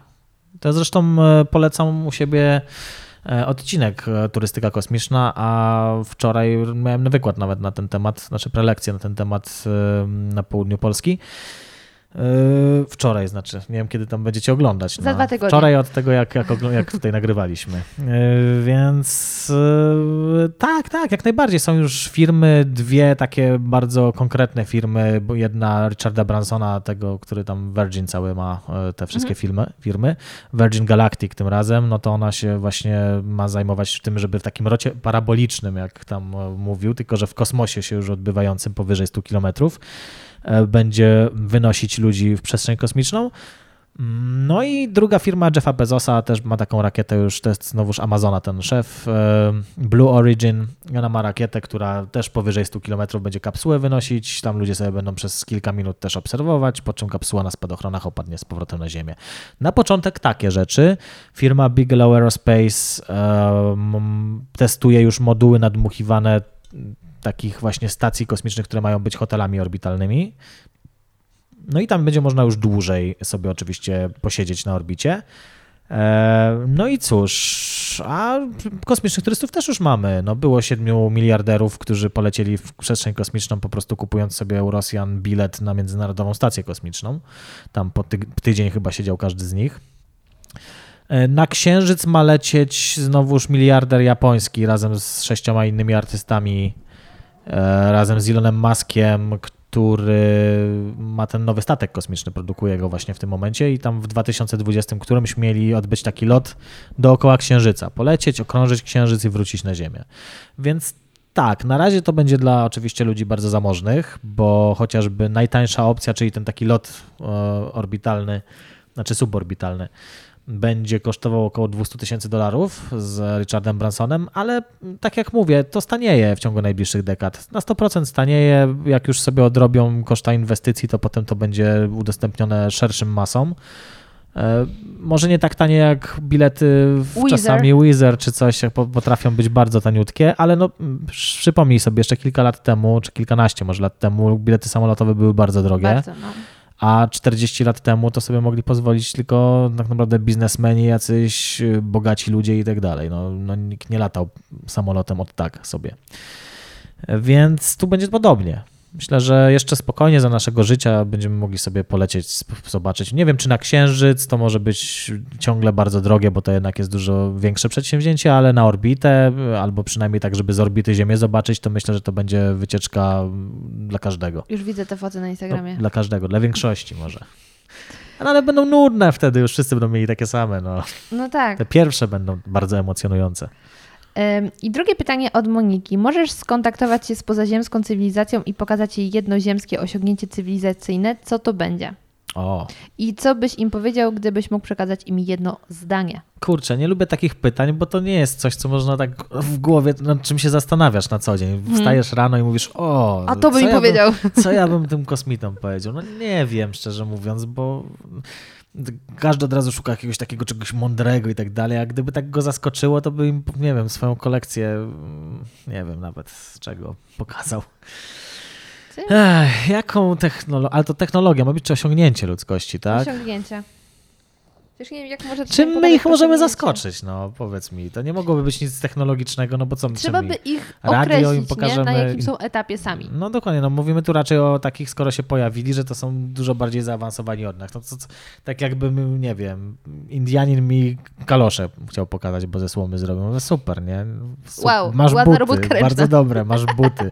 Wspaniale, no i by to mogli traktować jako no, folklor, dosłownie, cepelię taką przyjechali i zobaczyli, o proszę bardzo. Ceramika bolesowiecka. Dosłownie, na takiej zasadzie. Więc wiesz co, raczej chciałbym pokazać im jakieś zdobycze kultury bardziej niż technologiczne zdobycze, bo no mówię, tym, tym, tym ich nie zaskoczymy w żaden sposób, ani też ich nie ubogacimy w żaden sposób tym. Oni nie zyskają tym na, nic na tym, że zobaczą, to mogą być jakieś tam drobne rzeczy, że na przykład nie wpadli na to, bo w ogóle poszli dalej, ale to im nie będzie potrzebne najprawdopodobniej, nie?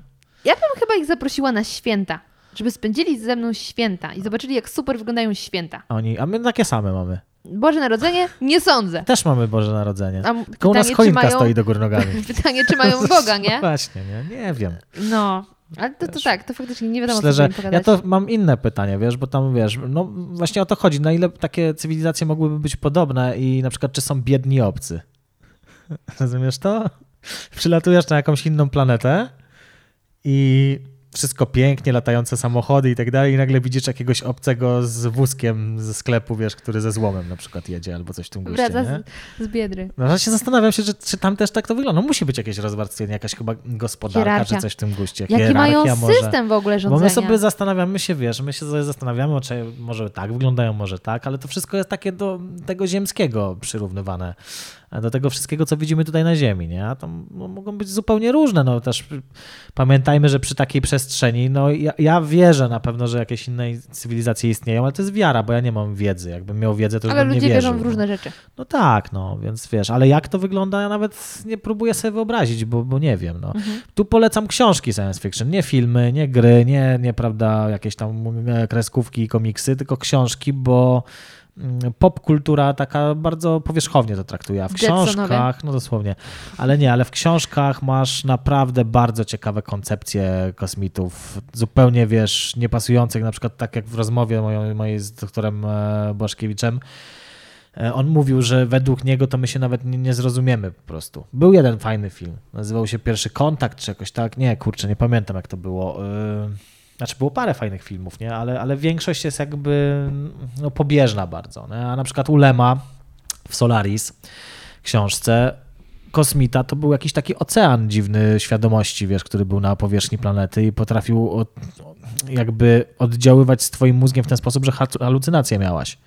On próbował się skon- skontaktować, ale ten kontakt nie wychodził, bo nie rozumieliśmy się w żaden sposób na podstawowym poziomie, wiesz, biologicznym, że tak powiem nawet. On nie rozumiał nas, my, znaczy ci astronauci, którzy tam byli, nawet nie wiedzieli, że to jest jakaś forma życia, bo nie spodziewali się, że coś takiego może tam być. I wiesz, i to były złe halucynacje, nie? Oni po prostu przez to Zła cierpieli. faza. Zła faza weszła tak naprawdę. Mesto, pozdrawiam cię bardzo serdecznie. Tak, to była zła podróż totalna, więc, y, więc wiesz, więc to są ciekawe koncepcje, na- o których się nie mówi, bo one są mało takie fajne, żeby zrobić z nich film kasowy, nie? Mhm.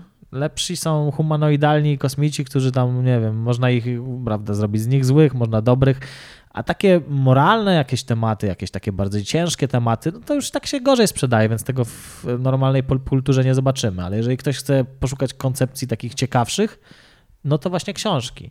Czy na przykład właśnie w książkach pojawiła się koncepcja ciemnego lasu tak zwanego, czyli dlaczego nie widzimy tych kosmitów. Wszyscy cicho, cicho siedzą jak w ciemnym lesie, bo boją się, że jak się wychylą za bardzo i będą krzyczeć hej, tu jesteśmy, to ktoś przyleci i niekoniecznie będzie dobry. No tak. No. W ogóle ciekawa jestem, dlaczego w większości e, tak kojarzę w popkulturze kosmici są zieloni. Czemu akurat nie są. To tak się przyjęło mówić zielone ludki, ale czemu No, to nie, ale czemu właśnie zielony? Nie wiem, tak ktoś Mm. pewnie zrobił, się przyjęło i Tak. ciężko mi stwierdzić. Yy, I ostatnie pytanie od Moniki. Jaka jest największa bzdura powielana w filmach fabularnych dziejących się w kosmosie?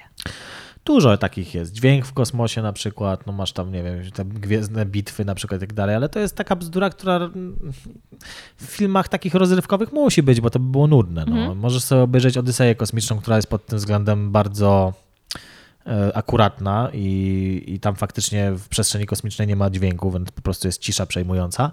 Tylko, że to jest filozoficzny film, film i tam to pasuje, a nie wyobrażam sobie Gwiezdnych Wojen bez ścieżki dźwiękowej walczących ze sobą pojazdów kosmicznych, więc to jest taka bzdura. Cóż tam jeszcze może być z kosmicznych? No i na przykład też wiesz co, to są takie subtelne rzeczy raczej, nie? Na przykład y, napędy pojazdów kosmicznych. To też działa zupełnie inaczej niż, niż gdzieś tam jest to przedstawione na filmach. Tu znów na przykład do Gwiezdnych Wojen, wojen przejdę, tam to wszystko zach- zachowuje się jak samoloty, tak jakby była jakaś właśnie atmosfera czy coś w przestrzeni kosmicznej, e, gdzie mogą one się poruszać. Mamy zwroty dosłownie takie same jak w samolotach, jak tymi X-Wingami tam latają, a w przestrzeni kosmicznej możesz latać czymkolwiek, to może być nawet kula, może mieć kształt e, jakiegoś, nie wiem, sześcianu czy coś w tym guście, to nie ma znaczenia.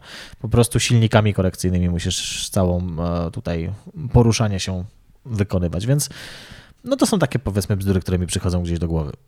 Ale nie masz tak, że jak oglądasz tego typu film, to zamykasz oczy i z przerażeniem stwierdzasz, Boże, kto to wymyślił, tylko bardziej myślisz, okej, to jest po prostu film. No tak, no nie oglądam filmu po to, żeby tam wiedzy fizycznej szukać, tylko dla fabuły najczęściej, a to, że tam ktoś tam tak robi. Wiesz, jeśli widzę, że to jest takie narzędzie, powiedziałbym, e, którego reżyser używa, to spoko, nie? Gorzej, jeżeli na przykład film się sili na bycie jakimś, no nie wiem, najlepszy film o kosmosie tego roku, z niego dowiesz wszystkiego i widzisz tam bzdurę na bzdurze, no to wtedy może to działać, no ale to tak się nie zdarza. Jeszcze takiego nie widziałem, który by w ten sposób próbował się promować, więc, więc nie przeszkadza mi to zupełnie. Okej, super. Em, Krzysztof, czy gdyby w kierunku Ziemi leciała zagrażająca nam asteroida, to mielibyśmy realne szanse zmienić jej kurs albo zniszczyć ją? Na razie nie. Ale pracują nad tym naukowcy. A czy realnie nam w tym momencie coś zagraża? Na razie nie, ale wszystkich nie znamy. Okej. Także, także z tych, które znamy, nam na razie żadna e, legal, ten nie zagraża. Dopiero w 2139 jest bardzo, bardzo, bardzo niewielka szansa, że mogłaby nas musnąć taka właśnie, też jakaś niespecjalnie duża. No narobiłaby szkód, ale na pewno Ale byśmy czy my nie już ją wyginęli. gdzieś widzimy? Tak, tak, tak. Jesteśmy w stanie liczyć te orbity na wiele lat w przód. Ale nie wszystkie widzimy, no. Nie wszystkie po prostu jesteśmy w stanie wychwycić, bo to też nie jest takie proste. No, nie mamy super mapy Układu Słonecznego, tylko trzeba fizycznie znaleźć po prostu na mapach To bardzo mi, wolno poruszający Jak się to obiekt. jest, że co jakiś czas w mediach pojawia się jakaś informacja, że coś leci w naszą No, stronę? Czy jak to jest? Siada media worker i pisze bzdurę, żeby się klikało, nie? Doskonale, tak właśnie No. zakładałam. Dokładnie tak jest. No. E, jakie, ostatnie pytanie od Krzysia, jakie odkrycie w dziedzinie astronomii w ostatnich latach najbardziej Cię ekscytuje? Chyba fale grawitacyjne, bo to otwiera właśnie Czy to jest to, o czym rozmawialiśmy Tak, przy okazji to jest to. To, jest, to otwiera nam nową fizykę tak naprawdę, nowe możliwości obserwacji, bo fale grawitacyjne przenikają przez wszystko. Nie ma dla nich czegoś, co je blokuje. Promieniowanie elektromagnetyczne, czyli światło, promieniowanie UV, podczerwień, wszystko, fale radiowe, mikrofalowe. To wszystko jest promieniowanie elektromagnetyczne, czyli fotony latające wszędzie z różnych cząstek emitowane. No niestety są blokowane. Jak wiesz, na przykład ołów blokuje promieniowanie X, tak, rentgenowskie i tak dalej. Natomiast grawitacyjnego nie blokuje, przynajmniej z tego co wiemy, nic. Może masa je odchylać, oczywiście duża i tak dalej, ale wyobraź sobie na przykład telefon, który działa nawet parę kilometrów pod ziemią. Wiesz co, mi by wystarczył telefon, który działa w tym mieszkaniu, bo tutaj jest Myślę, zakrzywienie że spokojnie. i nie ma wiesz, zasięgu. Myślę, że tu masz zakrzywienie elektromagnetyczne, natomiast tam e, byś miała wszędzie zasięg. Cudownie, czekam na to. Być może kiedyś się uda coś takiego zrobić, oby. I pytanie od Patryka 3. Pierwsze, jak oceniasz tegoroczną edycję zawodów European Rower Challenge? Mhm. Który analog łazika marsjan, marsjańskiego najbardziej zapadł Ci w pamięć? Mhm. E, Wiesz co, bardzo fajnie jest, e, w ogóle powiem co to jest. European Rover Challenge to jest taka mm, organizowana przez m.in. Łukasza Wilczyńskiego e, coroczna mm, batalia, można powiedzieć, łazików marsjańskich robionych przez różnego rodzaju koła naukowe różnych e, mm, politechnik z całego świata, nie tylko z Polski. I to akurat w Polsce się dzieje? Tak. Wow, No właśnie tutaj miło. to zorganizował razem ze swoimi współpracownikami i tutaj to wszystko ładnie sobie bangla. E, No i naprawdę te zaawansowane są konstrukcje. Mi najbardziej chyba impuls ze Świętokrzyskiej przypadł e, do gustu, bo to jest łazik, który jest wyposażony w autonomiczną sztuczną inteligencję. To znaczy on jest w stanie do pewnego stopnia sam wykonywać zadania, decydować gdzie pojechać, jak się zachować, jak ominąć przeszkodę i tak dalej. I oni chyba jako jedyni albo jedni z dwóch drużyn, już nie pamiętam, w tym roku byli w stanie wykonać takie jedno zadanie, gdzie łazik musi przejechać trasę odpowiednio sam i w pewnym momencie tej trasy operator nie widzi nic, bo jest symulowane zepsucie się kamery. No i e, jakby oni byli w stanie wykonać ten, e, to zadanie i pracują nad tym, żeby on był coraz bardziej autonomiczny, żeby po prostu sam reagował, żeby to był taki prawdziwy robot z krwi i kości, jak znamy z różnych filmów. Natomiast drugie, druga część pytania była o... Jak w ogóle oceniasz y, całe to wydarzenie? Aha, no to nie, no to wydarzenie no świetne, z roku na rok coraz lepsze, ciekawi goście z całego świata też przyjechali, był wiceprezes NASA, e, Steve Jurczyk, byli ludzie z Europejskiej Agencji Kosmicznej, e, byli ludzie z różnych organizacji, które zajmują się na przykład e, promocją tego, żeby ludzie na Marsa polecieli i Marsa kolonizowali. Bardzo dużo ciekawych ludzi, bardzo dużo ciekawych wystawców. Zresztą też zapraszam na kanał do nas, bo będziemy publikować nie- niektóre wywiady osobno też jeszcze, a mamy też trzydniową relację na żywo. Przez trzy dni robiliśmy parę to godzin było dziennie. mieście? To było w Kielcach, na Okej. terenie Politechniki Świętokrzyskiej. A, czyli okej, super. No. Zdolną mamy młodzież. Bardzo zdolną. I wygraliśmy dwa miejsca. Jedna drużyna chyba z Brazylii albo skądś, kurczę, nie pamiętam skąd oni byli. Gdzieś tak bardziej Ameryka właśnie chyba południowa. E, A dwie drużyny z Polski wygrały, także całkiem niezły wynik. Czad. Y, drugie, co najbardziej lubisz obserwować na niebie? Planety. Dla mnie są najciekawsze. Masz teleskop? Mam dwa. I planety to jest najciekawsze, bo to zobaczymy praktycznie wszędzie, nawet w Warszawie można oglądać planety, bo one świecą bardzo mocno, znaczy odbijają światło bardzo mocno i, i, i łatwo je zobaczyć. Jowisza można zobaczyć, szczegóły na nim, na, nawet jeżeli ma się jakiś tam teleskop taki średniej mocy już. Możemy zobaczyć yy, na przykład Saturna i jego pierścienie, więc no to jest coś takiego. Lubię też obserwować Słońce, tylko trzeba mieć odpowiednie filtry, żeby sobie oczu nie przepalić. I lubię y, też księżyc obserwować, czyli takie elementy układu słonecznego, bym powiedział bardziej niż gdzieś tam te głębokiego nieba, różne tam mgławice i tak dalej. Ale tak sobie bardziej obserwujesz dla relaksu, zobacz jakie to ładne, czy coś się zmienia realnie, Wiesz jak co, tak patrzysz? tak, znaczy powiem tak, y, jak już mam czas w ogóle, bo ostatnio obserwowałem jakoś w wakacje chyba robiliśmy taką w zoo krótką e, noc z obserwacjami.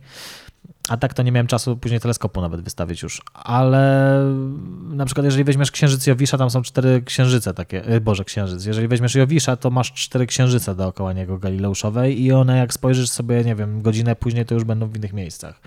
Bo to one dosyć szybko dookoła niego się tam przesuwają i obiegają. Czyli dzieje się. Dzieje się. Y, I ostatnie pytanie od Patryka. Co uważasz na temat satelit Starlink od SpaceX? Mhm. SpaceX. E, Znaczy, z jednej strony fajne, bo faktycznie internet będzie dostępny w każdym punkcie Ziemi, nieważne czy to dżungla, czy to prawda, jest środek e, pustyni, e, czy miasto, czy, czy wieś.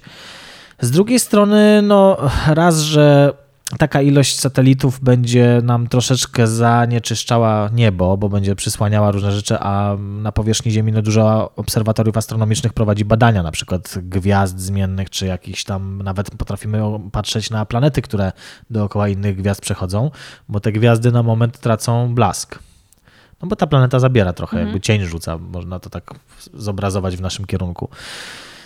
No i tutaj, jeżeli taki satelita przeleci, to może za- zaburzyć. Tak, satelitów będzie dużo, no ale jakby to jest postęp, no tutaj z tym nic nie zrobimy, a na szczęście w najbliższych dekadach też te obserwatoria będą się przenosić w przestrzeń kosmiczną też. No jeżeli uda się na Księżycu postawić bazę, to tam też na pewno powstaną obserwatoria, miejmy nadzieję. No, może nie takie duże jak tutaj właśnie na Ziemi, bo w tym momencie są budowane teleskopy, które mają zwierciadła o średnicy na przykład 30 paru metrów, bo taki będzie największy, gdzie mój teleskop e, ma zwierciadło o średnicy 20 centymetrów.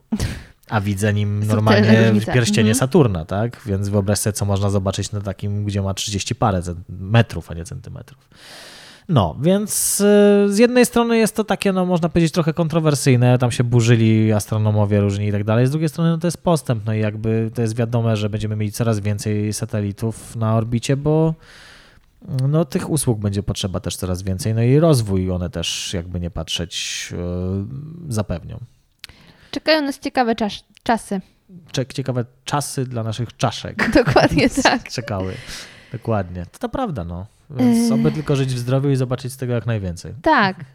I y, nie przeciwstawiać się nauce, tylko iść z jej nurtem. Znaczy, no też patrzeć na ręce, bo wiesz, no bywały czasy niestety niechlubne w naszej e, rzeczywistości i w naszej historii, kiedy też nauka przecież szła do przodu, ale jakim kosztem, nie? No tak, tak, tak. Bardziej miałam na myśli, żeby nie podważać gdyby nauki, że jest zła. E, No tak bezpodstawnie, wiesz. tak. Nie, nie, nie, nie mówić, że jest zła, bo to nauka, tak jak niektórzy mówią. Natomiast oczywiście trzeba też na ręce patrzeć, bo i wśród naukowców jest dużo no oszustów. bo to tylko ludzie. To tylko ludzie. Jeszcze nie kosmici. Mój drogi Piotrze, bardzo Ci dziękuję. Dzięki E. Rozjaśniłeś mi absolutnie mm, ten mroczny kosmos. Mhm. I teraz myślę, że o wiele więcej zrozumiem już z Twojego kanału. Jestem przekonana, że moi słuchacze, którzy dotychczas też nie byli zajarani tak bardzo kosmosem, e, wejdą w ten temat. I jak wejdą głębiej, to będą spokojnie mogli Mhm. e, obserwować wszystkie Twoje materiały. Także bardzo, bardzo Ci dziękuję. E, no i dobrego życia na Ziemi. No to tobie też Póki co. I tego, żebyśmy mogli sobie zobaczyć chociażby ją z orbity za jakiś czas. Dokładnie tak. Dziękuję Ci bardzo. Dzięki również. I jak wrażenia? Mam nadzieję, że dowiedzieliście się z dzisiejszego odcinka wielu interesujących rzeczy i z jeszcze większym zaciekawieniem będziecie zerkać w niebo. Jeśli jesteście głodni większej dawki informacji o kosmosie, to koniecznie odwiedźcie kanał Astrofaza. Jeżeli chcielibyście pozostać ze mną w kontakcie, to pamiętajcie, że jestem na Instagramie zmaczne.go, a także na Facebooku podcast radioaktywny ukośnik zmacznego. I jeszcze na sam koniec chciałam bardzo, bardzo, bardzo serdecznie podziękować wszystkim moim patronom. Moi drodzy, ogromnie Wam dziękuję za zaufanie, za wsparcie, za to, że doceniacie e, to, że nagrywam podcasty i że dzięki Wam mogę robić więcej, bo to właśnie dzięki Waszemu wsparciu mogę podróżować, opłacać programy do montażu, e, strony internetowe. Jesteście najlepsi. Bardzo Wam dziękuję i do usłyszenia już niedługo.